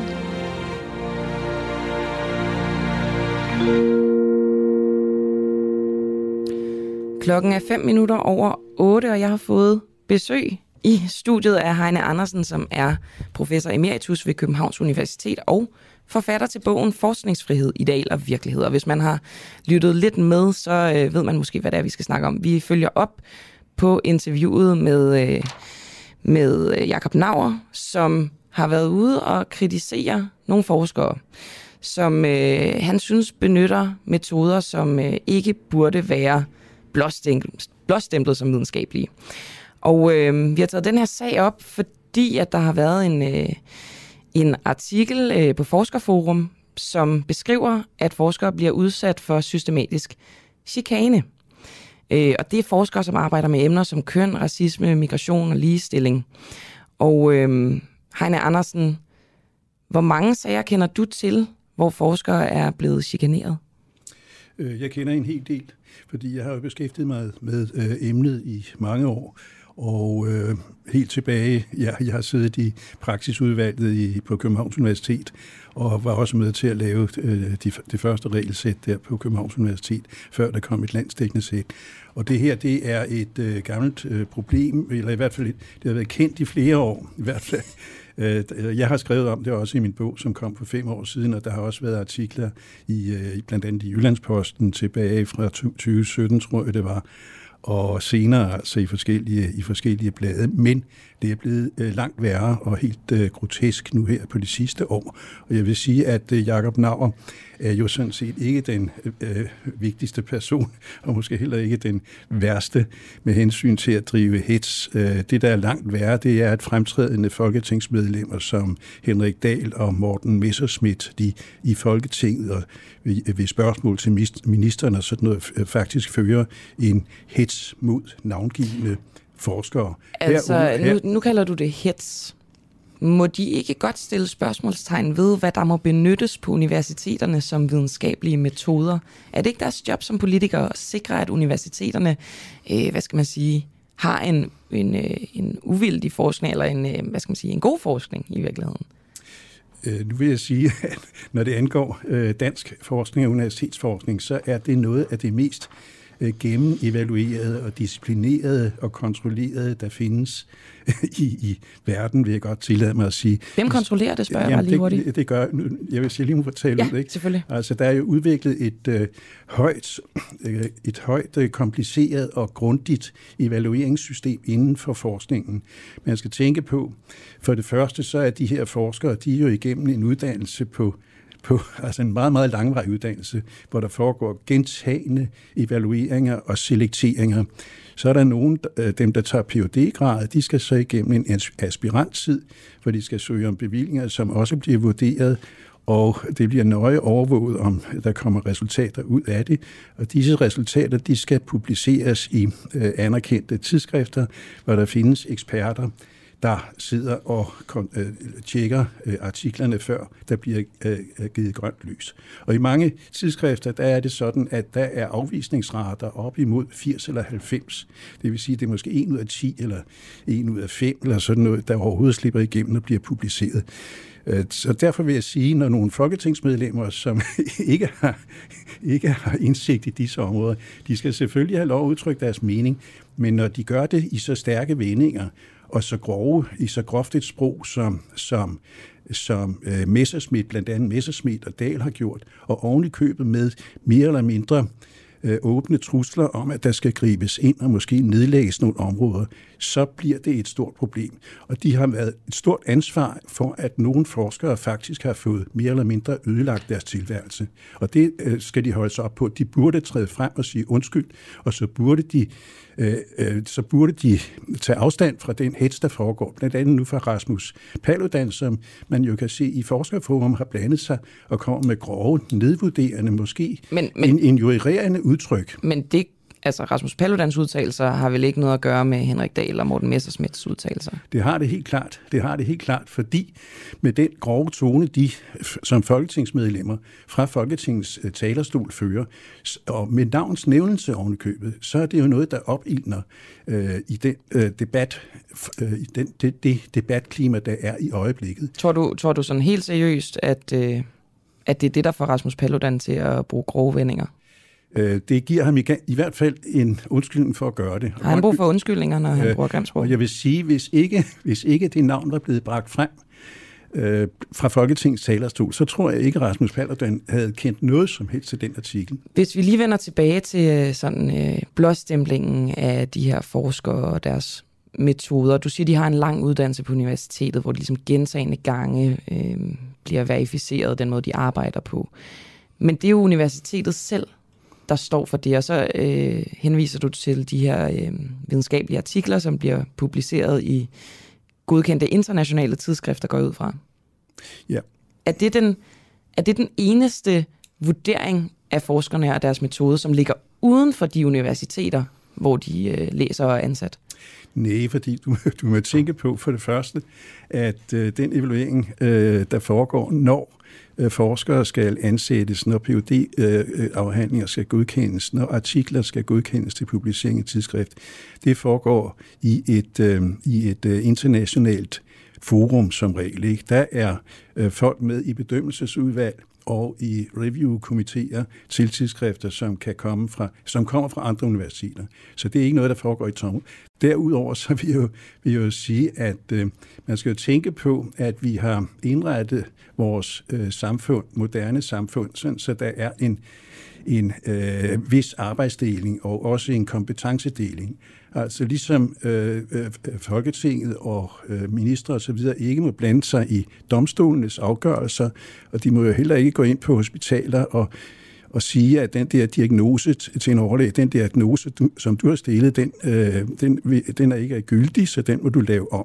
Sådan er der jo en arbejdsdeling, og der har vi så også udviklet et system, hvor man har indrettet universiteter til at udgøre den øh, højeste ekspertise. Og så vil jeg også sige med hensyn til evalueringer, evalueringer øh, der foregår jo også, ud over de evalueringer, som jeg har omtalt, altså som er mere internt i videnskaben, så foranstaltes der jo altså af af øh, politiske myndigheder, også jævnlige evalueringer. Vi har jo et, øh, et, et højt udviklet certifikationssystem og evalueringssystem, men der skal man være opmærksom på, at når øh, for eksempel øh, øh en minister eller eller Folketinget beslutter at øh, evaluere et område, så er det jo ikke noget, folketingsmedlemmerne nedsætter et udvalg af egen midte, og så skal de sidde og læse artikler.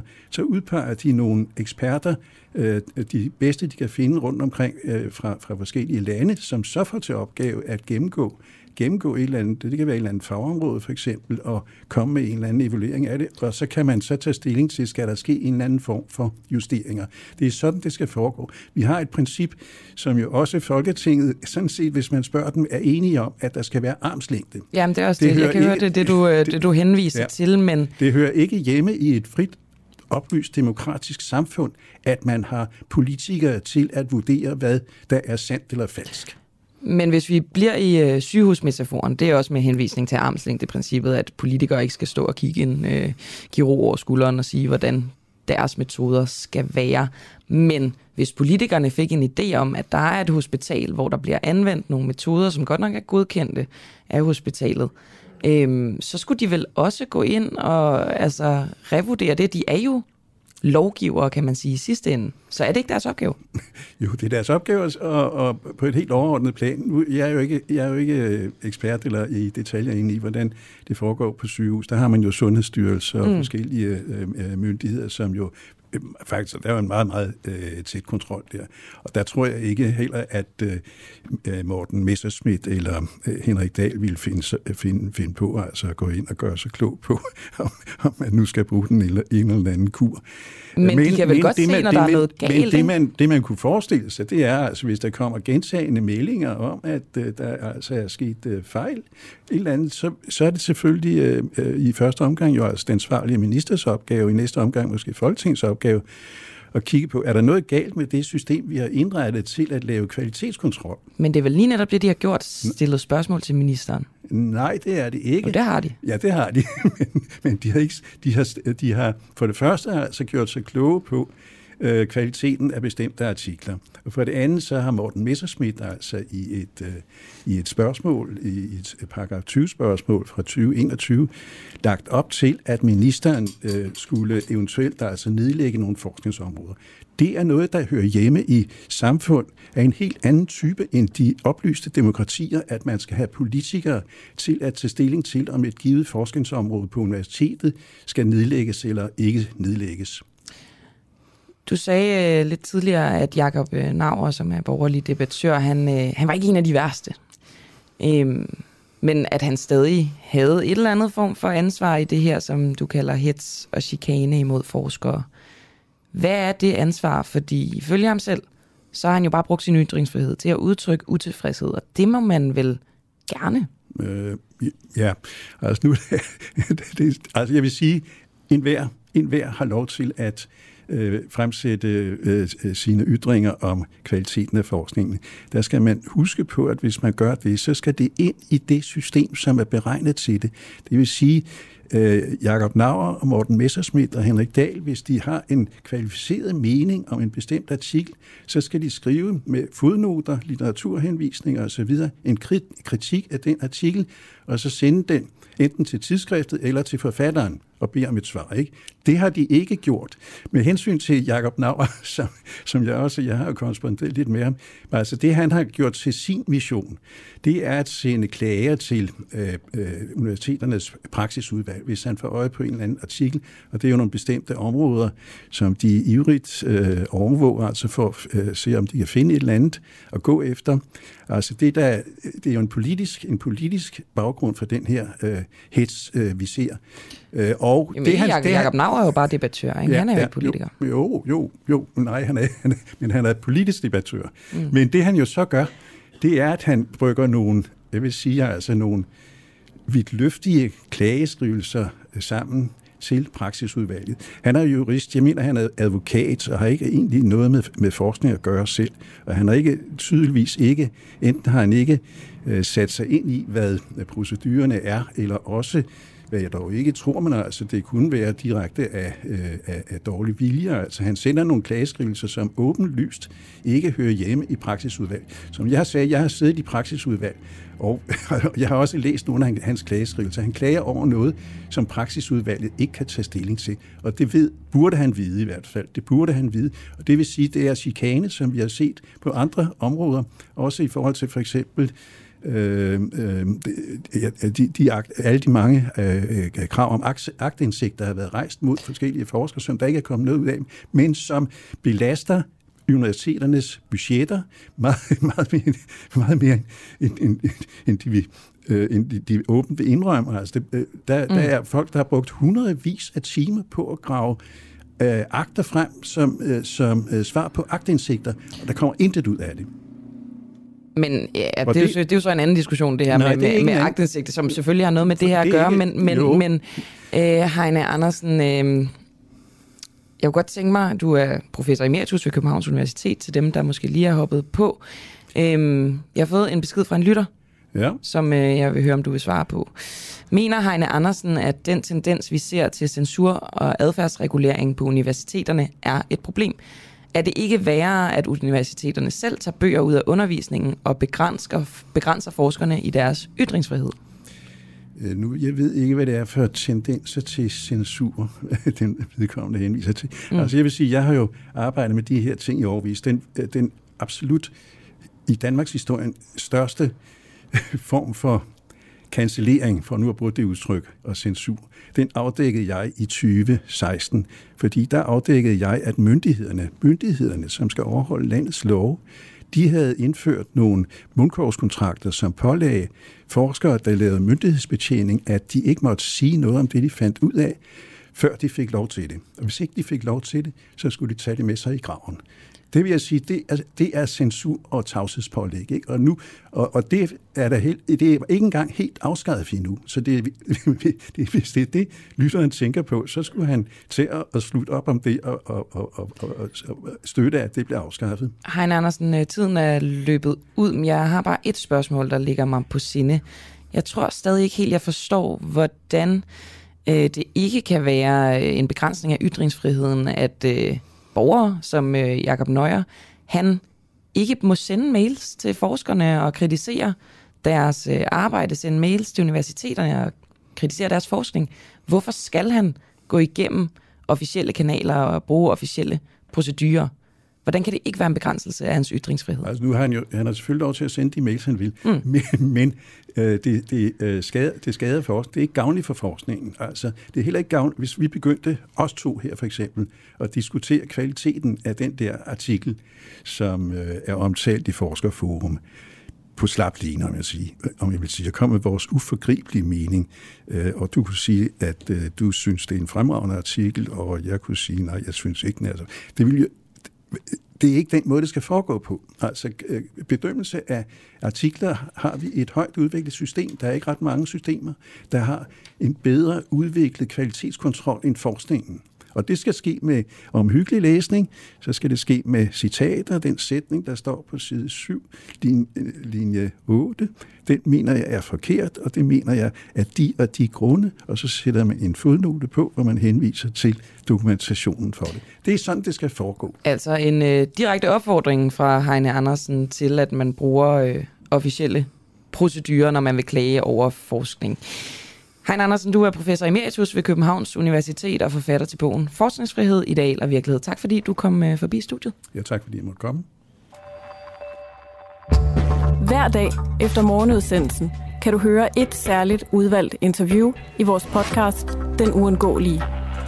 Interviewet er valgt, fordi det er det bedste, det vigtigste eller mest interessante – Altså, gælder, gælder ejendomsretten ikke for dig, Bibi, bare fordi du er kunstner? Jo, jo, selvfølgelig gør den det, og det er klart, at hvis der skulle være et, øh, et efterspil, så står, jeg, så står jeg naturligvis øh, til rådighed for domstolen, og jeg øh, forholder mig til, til de følgere, der måtte komme. Det står jeg 100% til ansvar for.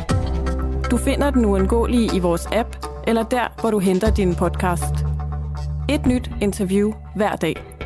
For dig, som ikke fik hørt hele morgenudsendelsen, men ikke vil gå glip af dagens bedste interview.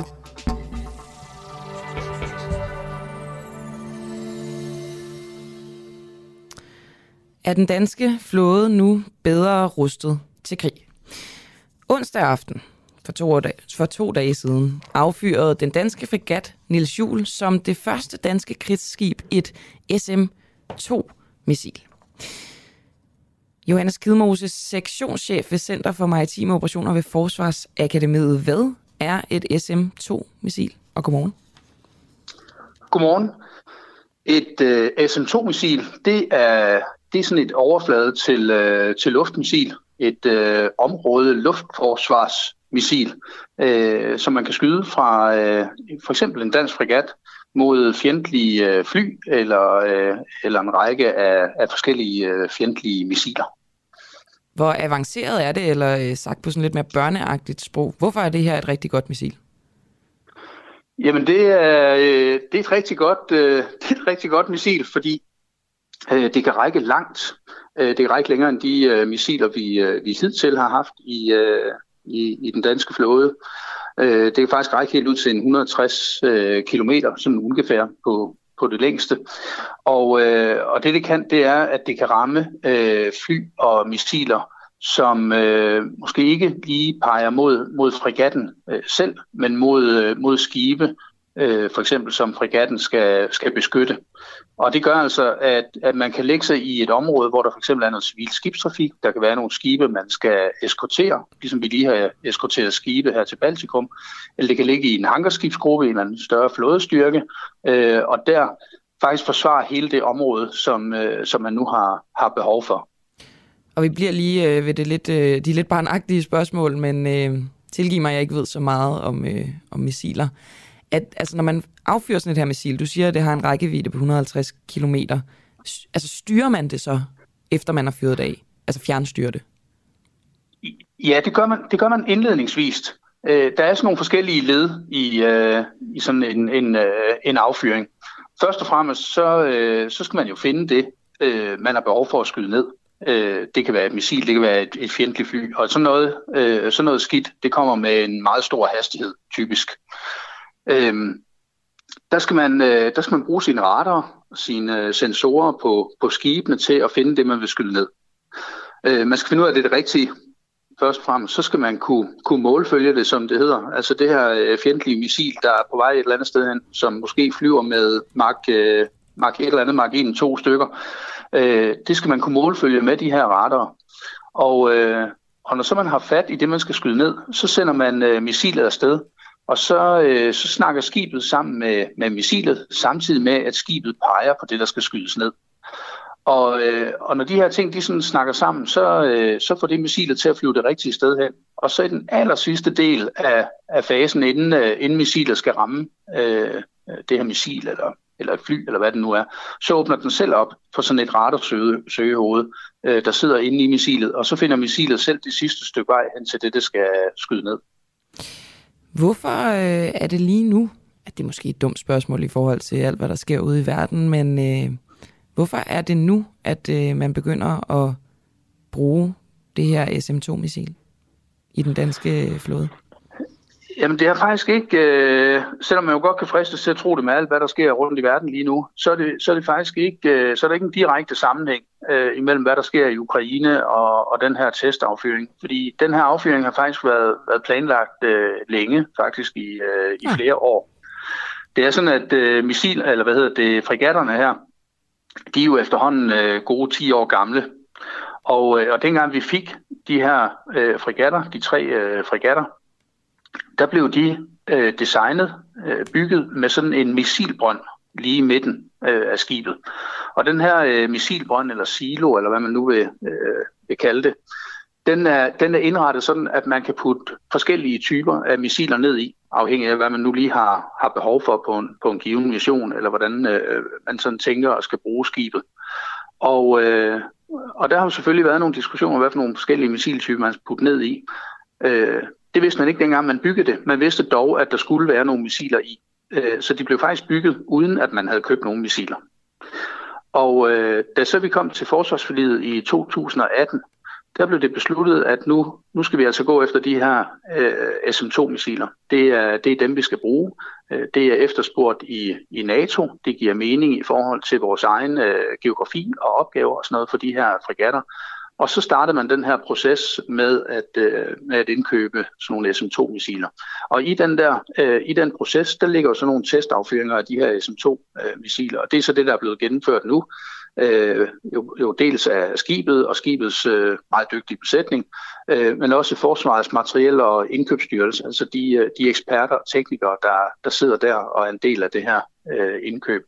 Øh, så det er faktisk ikke nogen direkte sammenhæng med, med Ukraine. Om 24. februar var var sket eller ej, så havde vi stadigvæk skulle, skulle lave de her testaffyringer. Okay, så man kan ikke sige sådan, at nu er vi bedre rustet til en øh, invasion på baggrund af det her? Vi er absolut bedre rustet, Nå. men at timingen den lige er, som den er, øh, det, er det er mere eller mindre øh, tilfældigt. Man kan sige, øh, Rusland har jo har jo øh, raslet med sablen siden, øh, siden 2008 i Georgien og, og 2014 med, med Krim øh, især. Øh, så det er jo sådan meget naturligt, at man øh, har, har, har forberedt sig på, øh, på den, den øh, trussel, der sådan er, er opstået. Øh, og, og derfor så er det også, øh, hvad skal man sige, meget, meget logisk, at vi, at vi nu er ved at have, have de her fregatter her til at kunne, øh, til at kunne imødekomme de, uh, de trusler, vi, vi ser. Øh, men, men noget af det, som man, man jo kan med de her SM2-missiler, øh, som jeg nævnte, det er jo at beskytte øh, for eksempel hangarskibsgrupper. Og der har vi jo tilbage i 2017 og, og, og efter det også deltaget i hangarskibsgrupper. Vi har sejlet med amerikanske hangarskibsgrupper, og, og franske hangarskibsgrupper også.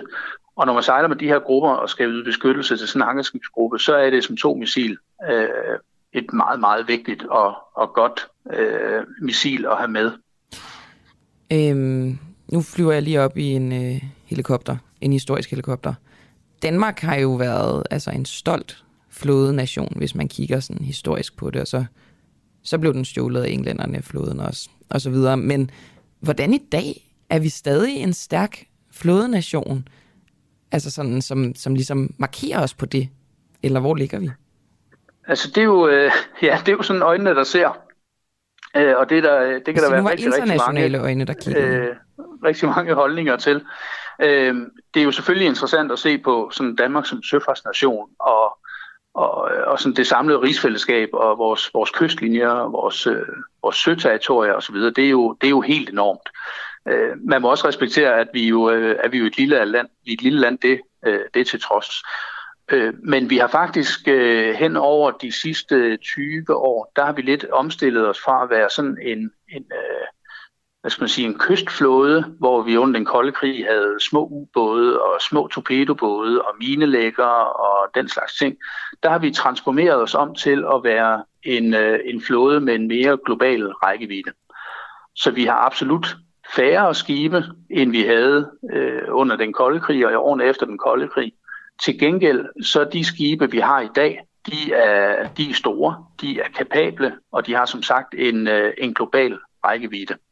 Og selvom vi er et, et lille land øh, med en begrænset øh, økonomi på forsvarsudgifter og, og den slags, så, øh, så gør vi os øh, absolut gældende, når det kommer til, til de her missioner ude omkring øh, i verden og også på flådeområdet.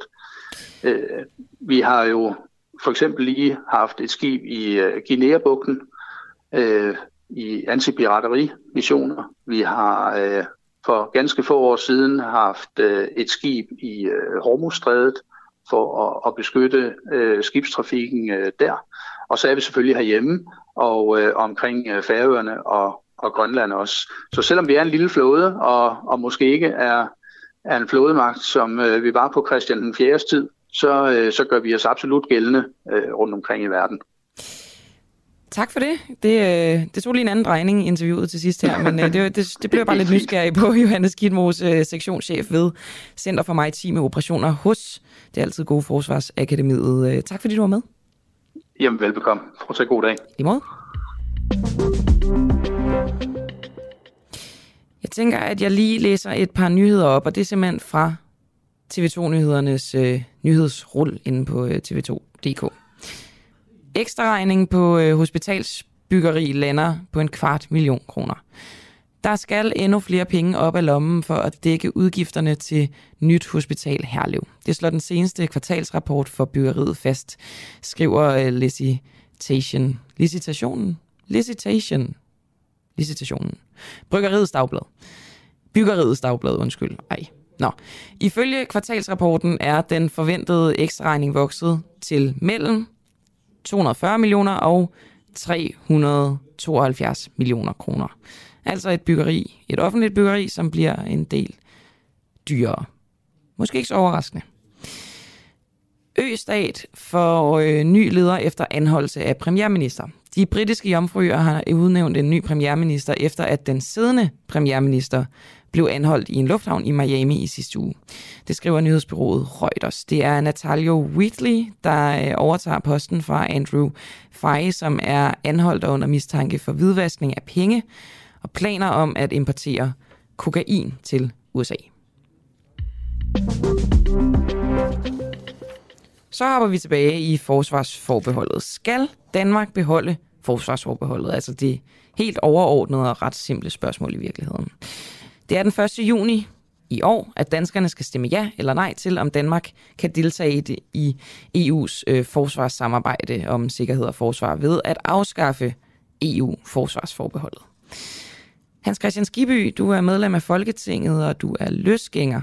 Skal Danmark afskaffe forsvarsforbeholdet? Og godmorgen. Ja, godmorgen for det første, og det andet, der vil jeg sige, det skal vi naturligvis ikke. Vi skal faktisk være glade for det. Øh, for alle de forbehold, som vi har haft igennem 29 år nu, de har faktisk været 110 øh, procent til gavn for, for Danmark og danske interesser. Hvad er de negative konsekvenser ved at gå med i EU's forsvarssamarbejde? Ja, altså, som jeg vurderer det, så er det jo klart, at, at hvis man, hvis man øh, insisterer på, at Danmark skal have et endnu tættere samarbejde inden for EU i forhold til forsvars- og sikkerhedspolitik, så vil Danmark også øh, blive endnu mere presset på i forhold til at afgive suverænitet i forhold til selvbestemmelse og alt det andet, som der vil følge med inden for en givende overrække i forhold til det europæiske øh, forsvarssamarbejde. Og det vil efter min bedste vurdering jo undergrave netop øh, det fortrindelige sikkerhedsarbejde, vi har ved at være med i, i både FN og i, ikke mindst i NATO, som jo netop giver Danmark og danskerne den sikkerhed, som vi alle sammen naturligvis øh, meget gerne vil blive ved med at have. Afgiver vi suverænitet ved at deltage i EU's forsvarssamarbejde? Det gør vi ikke i den forstand, at øh, der ikke øh, er sådan, at vi, at vi skal øh, afgive øh, stemmedelen af det, sådan som det ligger nu. Og det er jo også det, som, som Jasin de bor som argument i forhold til, at, at man ikke vil blive tvunget til at sende danske soldater afsted med EU-flag på, på deres øh, øh, militæruniformer. Men det ændrer jo ikke på, at, at det er den vej, som det europæiske samarbejde det går. Det er jo, at man skal have mere og mere centralisering, og man skal have flere og flere politiske områder ind under øh, politisk lovgivning via EU. Hvordan ser du det? Der, hvordan jeg ser det? Jo, men altså, det er jo en, en helt almindelig sund proces, som du kan følge med i, hvis du har, har nævnt og læst, hvad, hvad det er, folk har sagt igennem årene. I men, til men til alle dem, der ikke har, har fulgt med og læst, vil du så ikke give et eksempel på det? Et eksempel på hvad? På den glidebane, at du siger, at EU går mere og mere i den retning. Kan du give et eksempel på det? Jo, men altså, ek- eksemplet er jo, at øh, så sent som i den her uge har man jo øh, stemt om en række notifikationer i EU-parlamentet, jo som netop skitserer, at der skal være en større øh, overgang i forhold til flere og flere politiske områder, blandt andet arbejdsmarkedet og, og skat og andre ting øh, i forhold til EU-politik. Og det er derunder er, er også øh, både forsvars- og sikkerhedspolitiske øh, ting, øh, ikke mindst. Fordi at EU jo allerede i dag øh, til en lang række af lande sender øh, freds... Øh, styrker, øh, samarbejdsorienterede øh, øh dialogsoldater osv. afsted øh, for at øh, at underbygge en, en god udvikling i nogle forskellige øh, afrikanske lande for eksempel. Og det er den type samarbejde, som man ønsker at, at udbygge over årene. Og som det er nu, så den type samarbejder, dem er vi ikke tvunget til at deltage i, skulle vi komme til at deltage i EU-forsvarssamarbejdet. Hans Christian Skiby, det, det du siger, det er jo, at du er nervøs for, at det bliver en glidebane, hvor vi simpelthen mister vetoretten, går jeg ud fra. Altså, øh, bestemme, eller retten til at sige nej til forskellige missioner. Jeg kunne godt tænke mig lige at læse en artikel op for dig. Artikel 42, stykke 2. Den siger, den fælles sikkerheds- og forsvarspolitik omfatter gradvis udformning af en fælles EU-forsvarspolitik.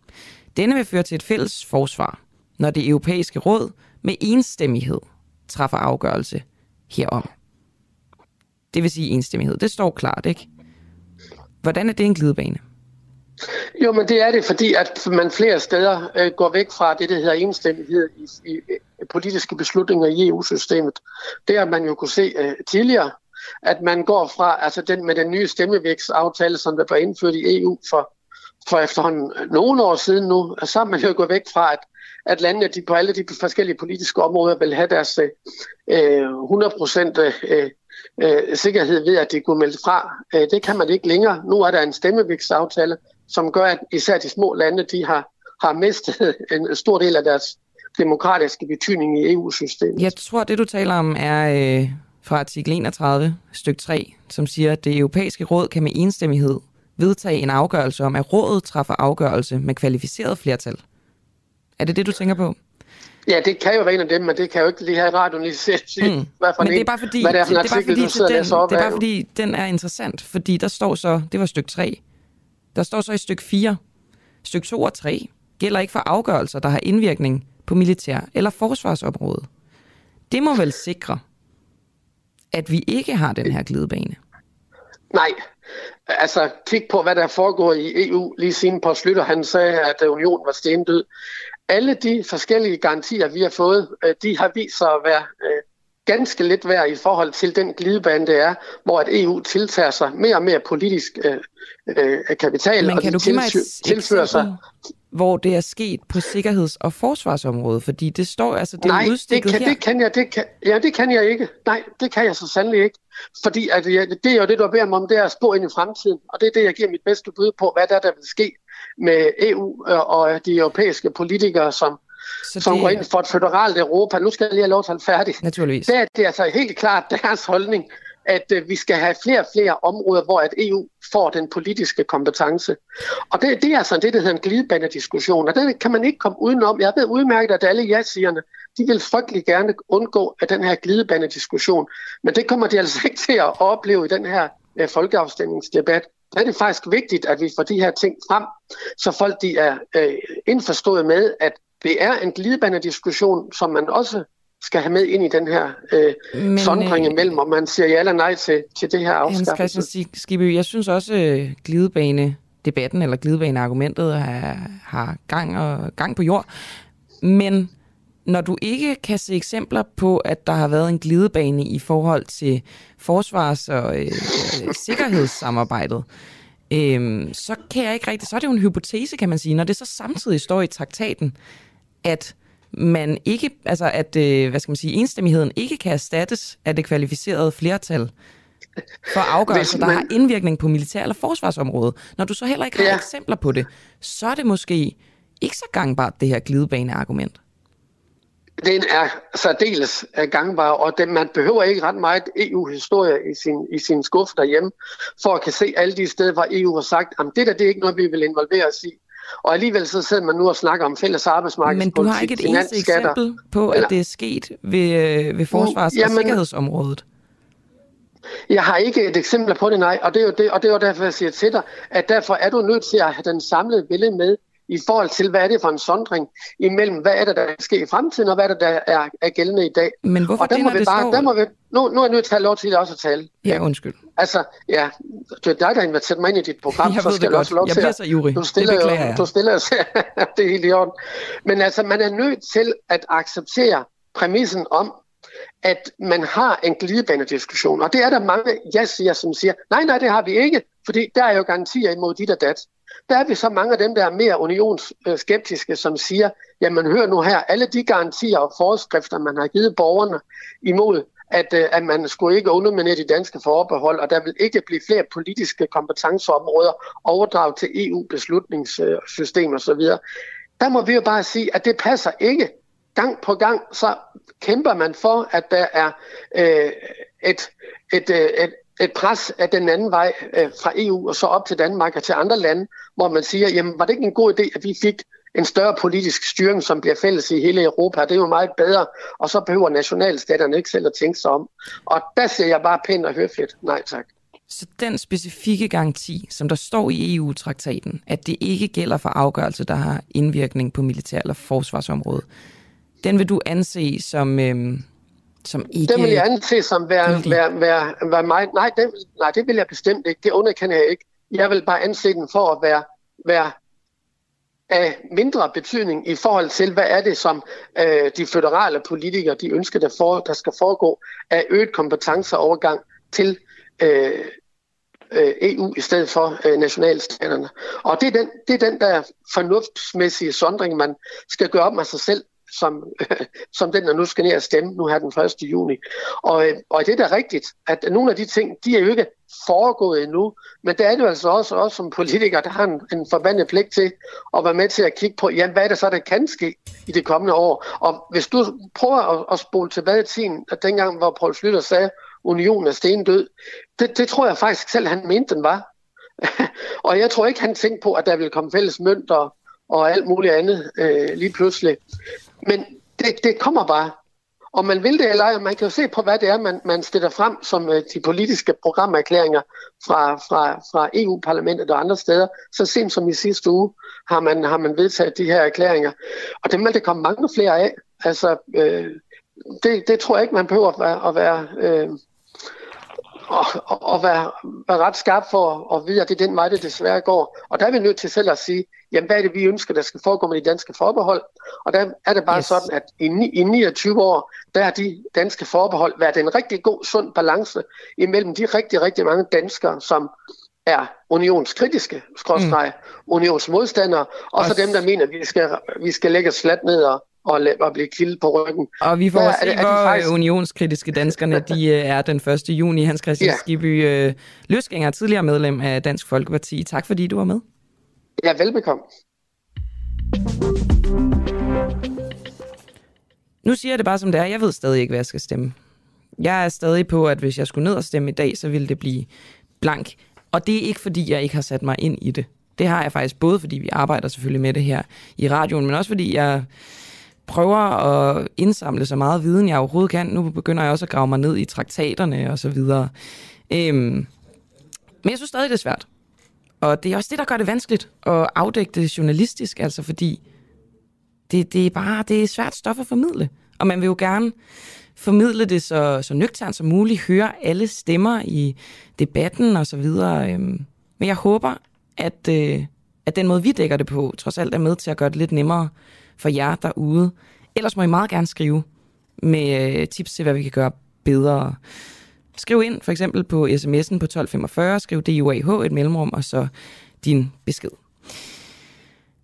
Afgøres dansk politik ikke i Folketingssalen, men i lyssky kaffeklubber i Socialdemokratiets folketingsgruppe.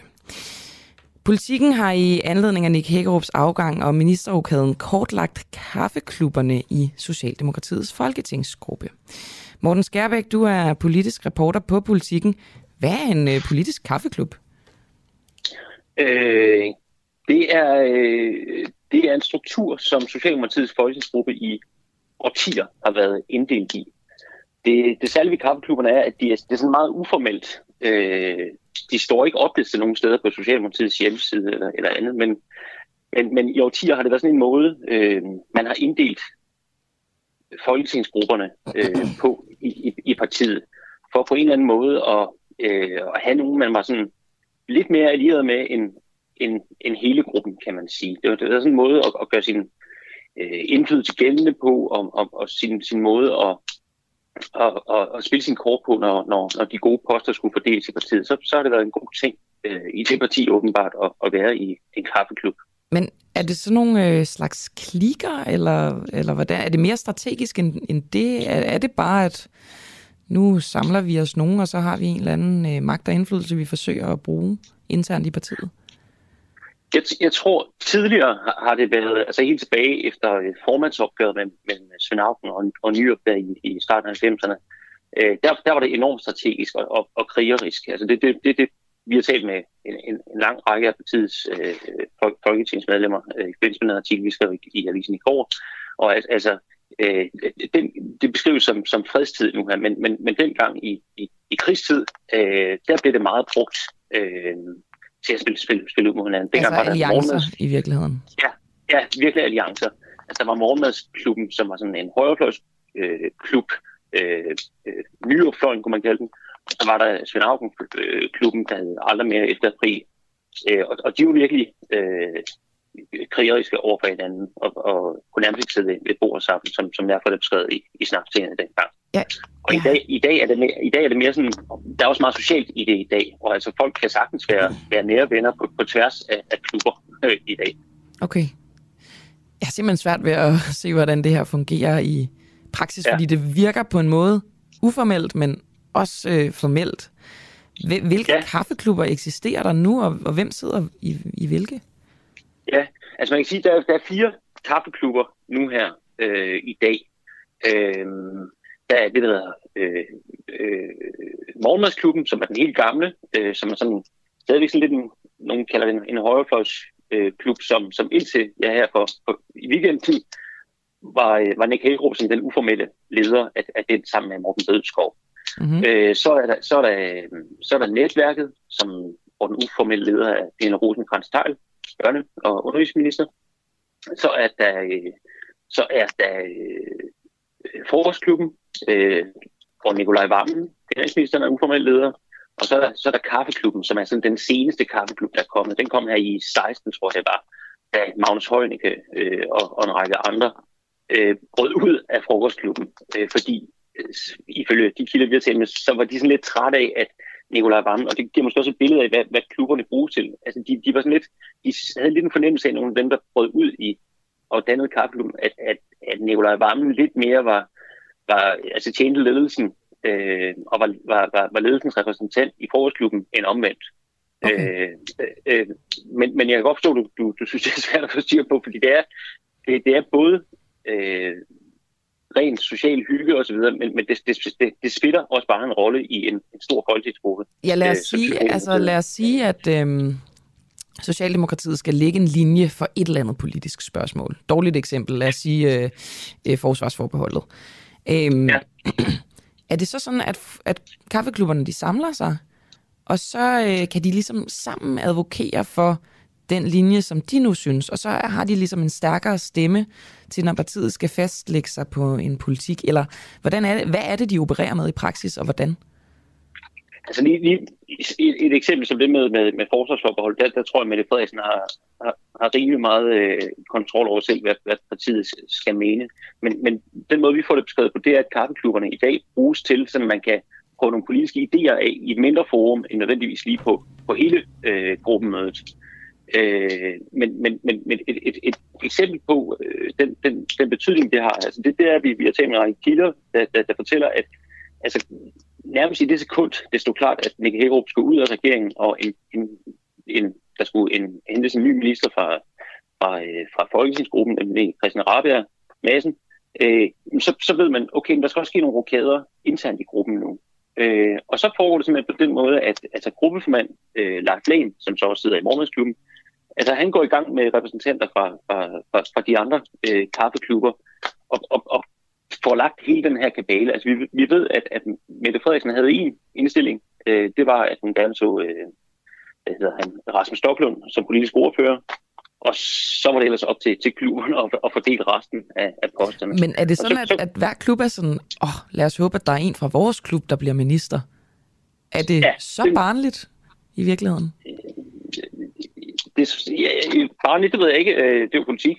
Jo, ja, det er selvfølgelig rigtigt. Ja. men, men du ved, altså bare fordi man sidder i klub sammen, altså at det sådan, opererer de så selvstændigt, at det vil være en sejr for den enkelte kaffeklub, at en fra klubben bliver minister? Det kan godt være, at jeg bare ikke forstår dynamikken, men det, det lyder da sådan lidt specielt. Ja, det lyder meget specielt, synes jeg også, men, men, men sådan er det jo også øh, meget politik. Altså, det, det er jo meget med at, at få, få de gode poster, og ja, for, for, for, altså, det er også forskelligt, alt det man taler med i, i, i folketingsgruppen, hvor meget hvor meget det betyder. Øh, men for mange, der er det helt klart øh, noget, man gerne vil, at, at nogen fra ens klub får de gode poster. Altså man, man kunne se det ved, der skulle laves en ny øh, gruppeledelse øh, nu her efter rokaden, og så, så sætter de sig sammen og, og sørger for, at øh, jamen, så, så får... Øh, øh, så fik Anne Paulin fra Frokostklubben og Jens Jol fra Netværket, de indtrådte begge i, i gruppeledelsen, øh, som henholdsvis gruppeledsformand og, og almindelig ledelsesmedlem. Øh, og, og, og, og så på den måde til gode ser man, man klubberne. Altså, det er noget, de sådan bliver enige om, øh, de der repræsentanter på klubberne, og så kommer det så over til, til hele øh, folketingsgruppen på et gruppemøde, der så vanen tro, øh, altså blåstætler det, de har fundet, fundet ud af. Fordi det er, jo, det er jo repræsentanter for dem alle sammen, der så er blevet enige om. Jeg får så mange billeder i hovedet af det her. Altså, øhm, nu siger du, der har været en udbryderklub, altså kaffeklubben, den nyeste, den brød ud af frokostklubben. Ja. Men er det også sådan, at man kan hoppe klub? Er det, er det, ser man også det, at en går fra en klub til en anden? Ja, det ser man, men, men det, er, det kan vi forstå, det, det, er ikke, det er ikke velset. Fordi så, altså, der er jo også nogle, fordi de mødes jo jævnligt øh, i, i respektive klubber, og, og der bliver udvekslet sådan ting, som ikke, måske ikke, øh, som helst ikke skal ud til hele gruppen. Øh, og, og, hvis, hvis man, det svarer, det, ja, det svarer jo ikke til det at skifte parti, men, men, men på samme måde, altså, altså man, man tager en viden med sig over en anden klub, og det er det, der er nogle af dem, jeg taler med, der siger, at det, det bryder man sig ikke om, øh, at, at, at folk gør. Og hvad så, øh, man kan sige, man... Ja? Jeg, jeg, jeg vil bare lige understrege, at man, man kan ikke sammenligne det med partier. Nej, partier, nej det sagde men, du godt. Men, men, okay. Øhm, når der ligesom øh, bliver dannet en ny folketingsgruppe øh, efter et mm. valg, eller der kommer en, øh, et nyt medlem, der er nogen, der bliver skiftet ud og sådan noget. Jeg forestiller mig sådan en, øh, jeg ved ikke om du har set Harry Potter, men sådan, øh, der bliver man ligesom fordelt ud på forskellige kollegier. Der, der er det en hat, der afgør, hvilke kollegie man tilhører. Ja. Altså, hvordan bliver de fordelt, de nye folketingsmedlemmer? Jamen, det, altså, øh, jeg kan huske, at jeg skrev en artikel tilbage i, øh, i 19, lige efter folketingsvalget der. Altså, der, der nogle af de nyvalgte i, i gruppen dengang, altså, kunne fortælle, at, at, at altså, nærmest i det sekund, det, det, det er officielt, at, at de er valgt ind i Folketinget, jamen, så begynder de forskellige klubber øh, gerne at, at, at kontakte vedkommende og sådan, øh, forsøge at værve dem til at komme ind i deres klub. Fordi der, altså, størrelsen på klubberne har også en betydning øh, på en eller anden måde øh, i, i det der hierarki og, og, og, og strategiske spil, der foregår. Mm. Øhm, så øh, altså, Marie Gudme, som, som jo skal erstatte Nick Hækkerup, altså har vi også hørt, altså har, har allerede fået, fået, øh, fået kontakter og, og tilbud om indtræde i diverse klubber. Mm. Øhm, så det her, ja. det, det er sådan en underlig, altså, øhm, hvad skal man sige, det lyder som om, at de har indflydelse, ja. de her klubber. Samtidig med, og nu gav du mig ikke helt ret i, det lød barnligt, men i, i hvert fald studentikost, altså lidt som sådan nogle øh, sororities i USA, med, altså så bliver man optaget. Der forbinder der sig nogle ritualer med de her øh, optagelser. Jeg går ud fra, at når man gerne vil optage et nyt medlem, så gør man sig nogle krumspring for at virke attraktiv på det nye medlem. Ja, det, det ved jeg faktisk ikke, men det vil være, jeg vil gerne beskrive det, hvis jeg kunne få indsigt i det.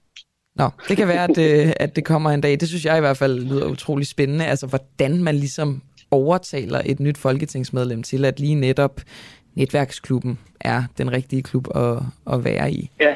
Har du sådan ja. konkrete eksempler på, at der er en, en klub, der har været magtfuld nok til at bruge indflydelsen til at få et eller andet igennem? Mm, jeg vil nærmere sige det på den måde, at, at, at man kan se, at nogle af de opspillelser, der har været de, de senere år, har, har vist, øh, at de i hvert fald bruges strategisk. Fordi øh, den klub, der hedder øh, Frokostklubben, øh, med, med, med Nikolaj Vammen i spidsen, altså de brød ud af, af det, der hedder netværket, altså Pina Rosenkrantz øh, kaffeklub. De gjorde det i, i 2015, og det er mange, der udlagt som om, at at, at nu, nu, nu, kunne, øh, nu kunne Varmen og Dan Jørgensen og sådan nogen se, jamen, jamen øh, den Rosenkrantz er leder af forårsklubben. Hvis, hvis vi vil gøre vores roser lige så grønne og stå lige så stærkt som vi i, i den læse nu, så er vi nødt til at have vores egen klub, hvor, hvor vi leder.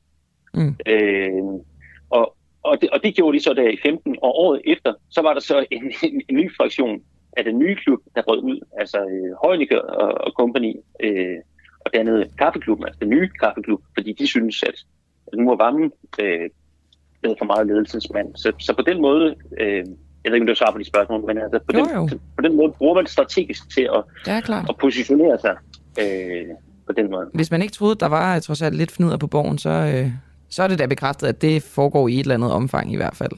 I Ja. øh, Socialdemokratiet, Morten øh, Skærbæk, øh, du er politisk reporter på Politikken. Tak fordi du ville fortælle om det her. Det var sygt spændende, synes jeg. Det var, det var så lidt. Hej. Ej, jeg er simpelthen så dårlig til at holde mine tider nu. Klokken blevet 8.57, og jeg skal nå et interview mere, og det stresser mig en lille smule, men det handler simpelthen om, der er fare for et våbenkapløb i rummet, efter at øh, russerne trækker sig fra den internationale rumstation. Der har været 70 års fred i rummet, øhm, men det her med, at russerne trækker sig, det kan betyde en ende på samarbejdet med det amerikanske rumagentur NASA og øh, det europæiske ISA. John Leif Jørgensen, professor øh, og Head of Measurement and Instrumentation ved DBU Orbit. Hvad betyder det, at Rusland trækker sig fra øh, den internationale rumstation? Og hvis du kan gøre det kort, for jeg har, jeg har rodet lidt rundt med tiderne desværre, så vi har ikke så lang tid. Smukt. Det betyder øh, lidt, som du faktisk øh, sagde i oplægget her, at øh, der er far for, at vi mister en, det, det, vi har fået et meget fredeligt samarbejde. Faktisk det eneste, der har været siden den kolde krig, hvor hele tiden igennem har det været et øh, sundt og fremadrettet samarbejde med Rusland.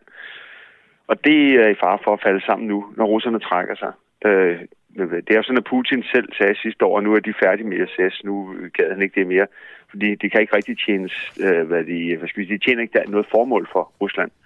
Og hvis de trækker sig, så vil de så gå hen og lave deres egen rumstation. Og det vi egentlig er bange for alle sammen er jo, og det vi prøvede på at undgå med ISS, det var jo, at alle lavede deres egen lille rumstation, jo som meget hurtigt frister til, at man laver et lille fort i rummet, altså et lille, et lille sted, hvor man kan have sine egne våben og mm. snige dem op i rummet, uden at vi opdager. Det er egentlig det, vi er bange for. Og I er så også bange for, at det sker nu? Ja, det, det, det, det, det, det er jo simpelthen starten på det. Det er det, Putin sagde i, for, for halvandet år siden, at øh, nu er, hvad det, er vi færdige med ISS, og vi vil trække os ud af det på et eller andet tidspunkt. Det var jo før Ukraine-krisen. Mm. Men øh, det, det, det var hans udtalelse, og det, det næste, han vil gøre, det er så, hvad hedder de, så starte et, øh, sin egen lille rumstation, som man jo har færdig, tænker de på, at de være færdige om halvandet år. Og der skal altså også være våben og bord. Det har vi ikke Men aldrig han begyndt at bygge den allerede? Det, det ved vi jo ikke. Nej. det, det, det, det, er jo ikke noget, det er jo en, altså, øh, det har han jo gjort. Altså, det er jo, det er jo ingen tvivl om, at de, hvad de har teknikken til det. Øh, spørgsmålet om de vil ofre pengene på det.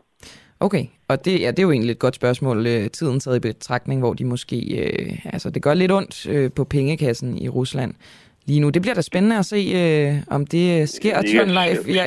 Spændende er et meget forkert ord her. det er, er det uhyggeligt. det? Ja, uhyggeligt. Okay, decideret uhyggeligt. Ja, det var måske et helt forkert ordvalg. Godt, du lige fik korrekset mig der. John Leif Jørgensen, beklager det korte interview. Trods alt no et spændende et interview. øhm, tak i lige måde. Og øh, det var altså John Leif Jørgensen, som er professor, professor og Head of Measurement and Instrumentation ved DBU, DTU Orbit. Jeg hedder Camilla Boracchi. I regien har vi haft Oliver Nobenau og Clara Vind. Programmet det var sat sammen af Peter Schwartz. Vi er tilbage igen på mandag. Kan I have en god weekend?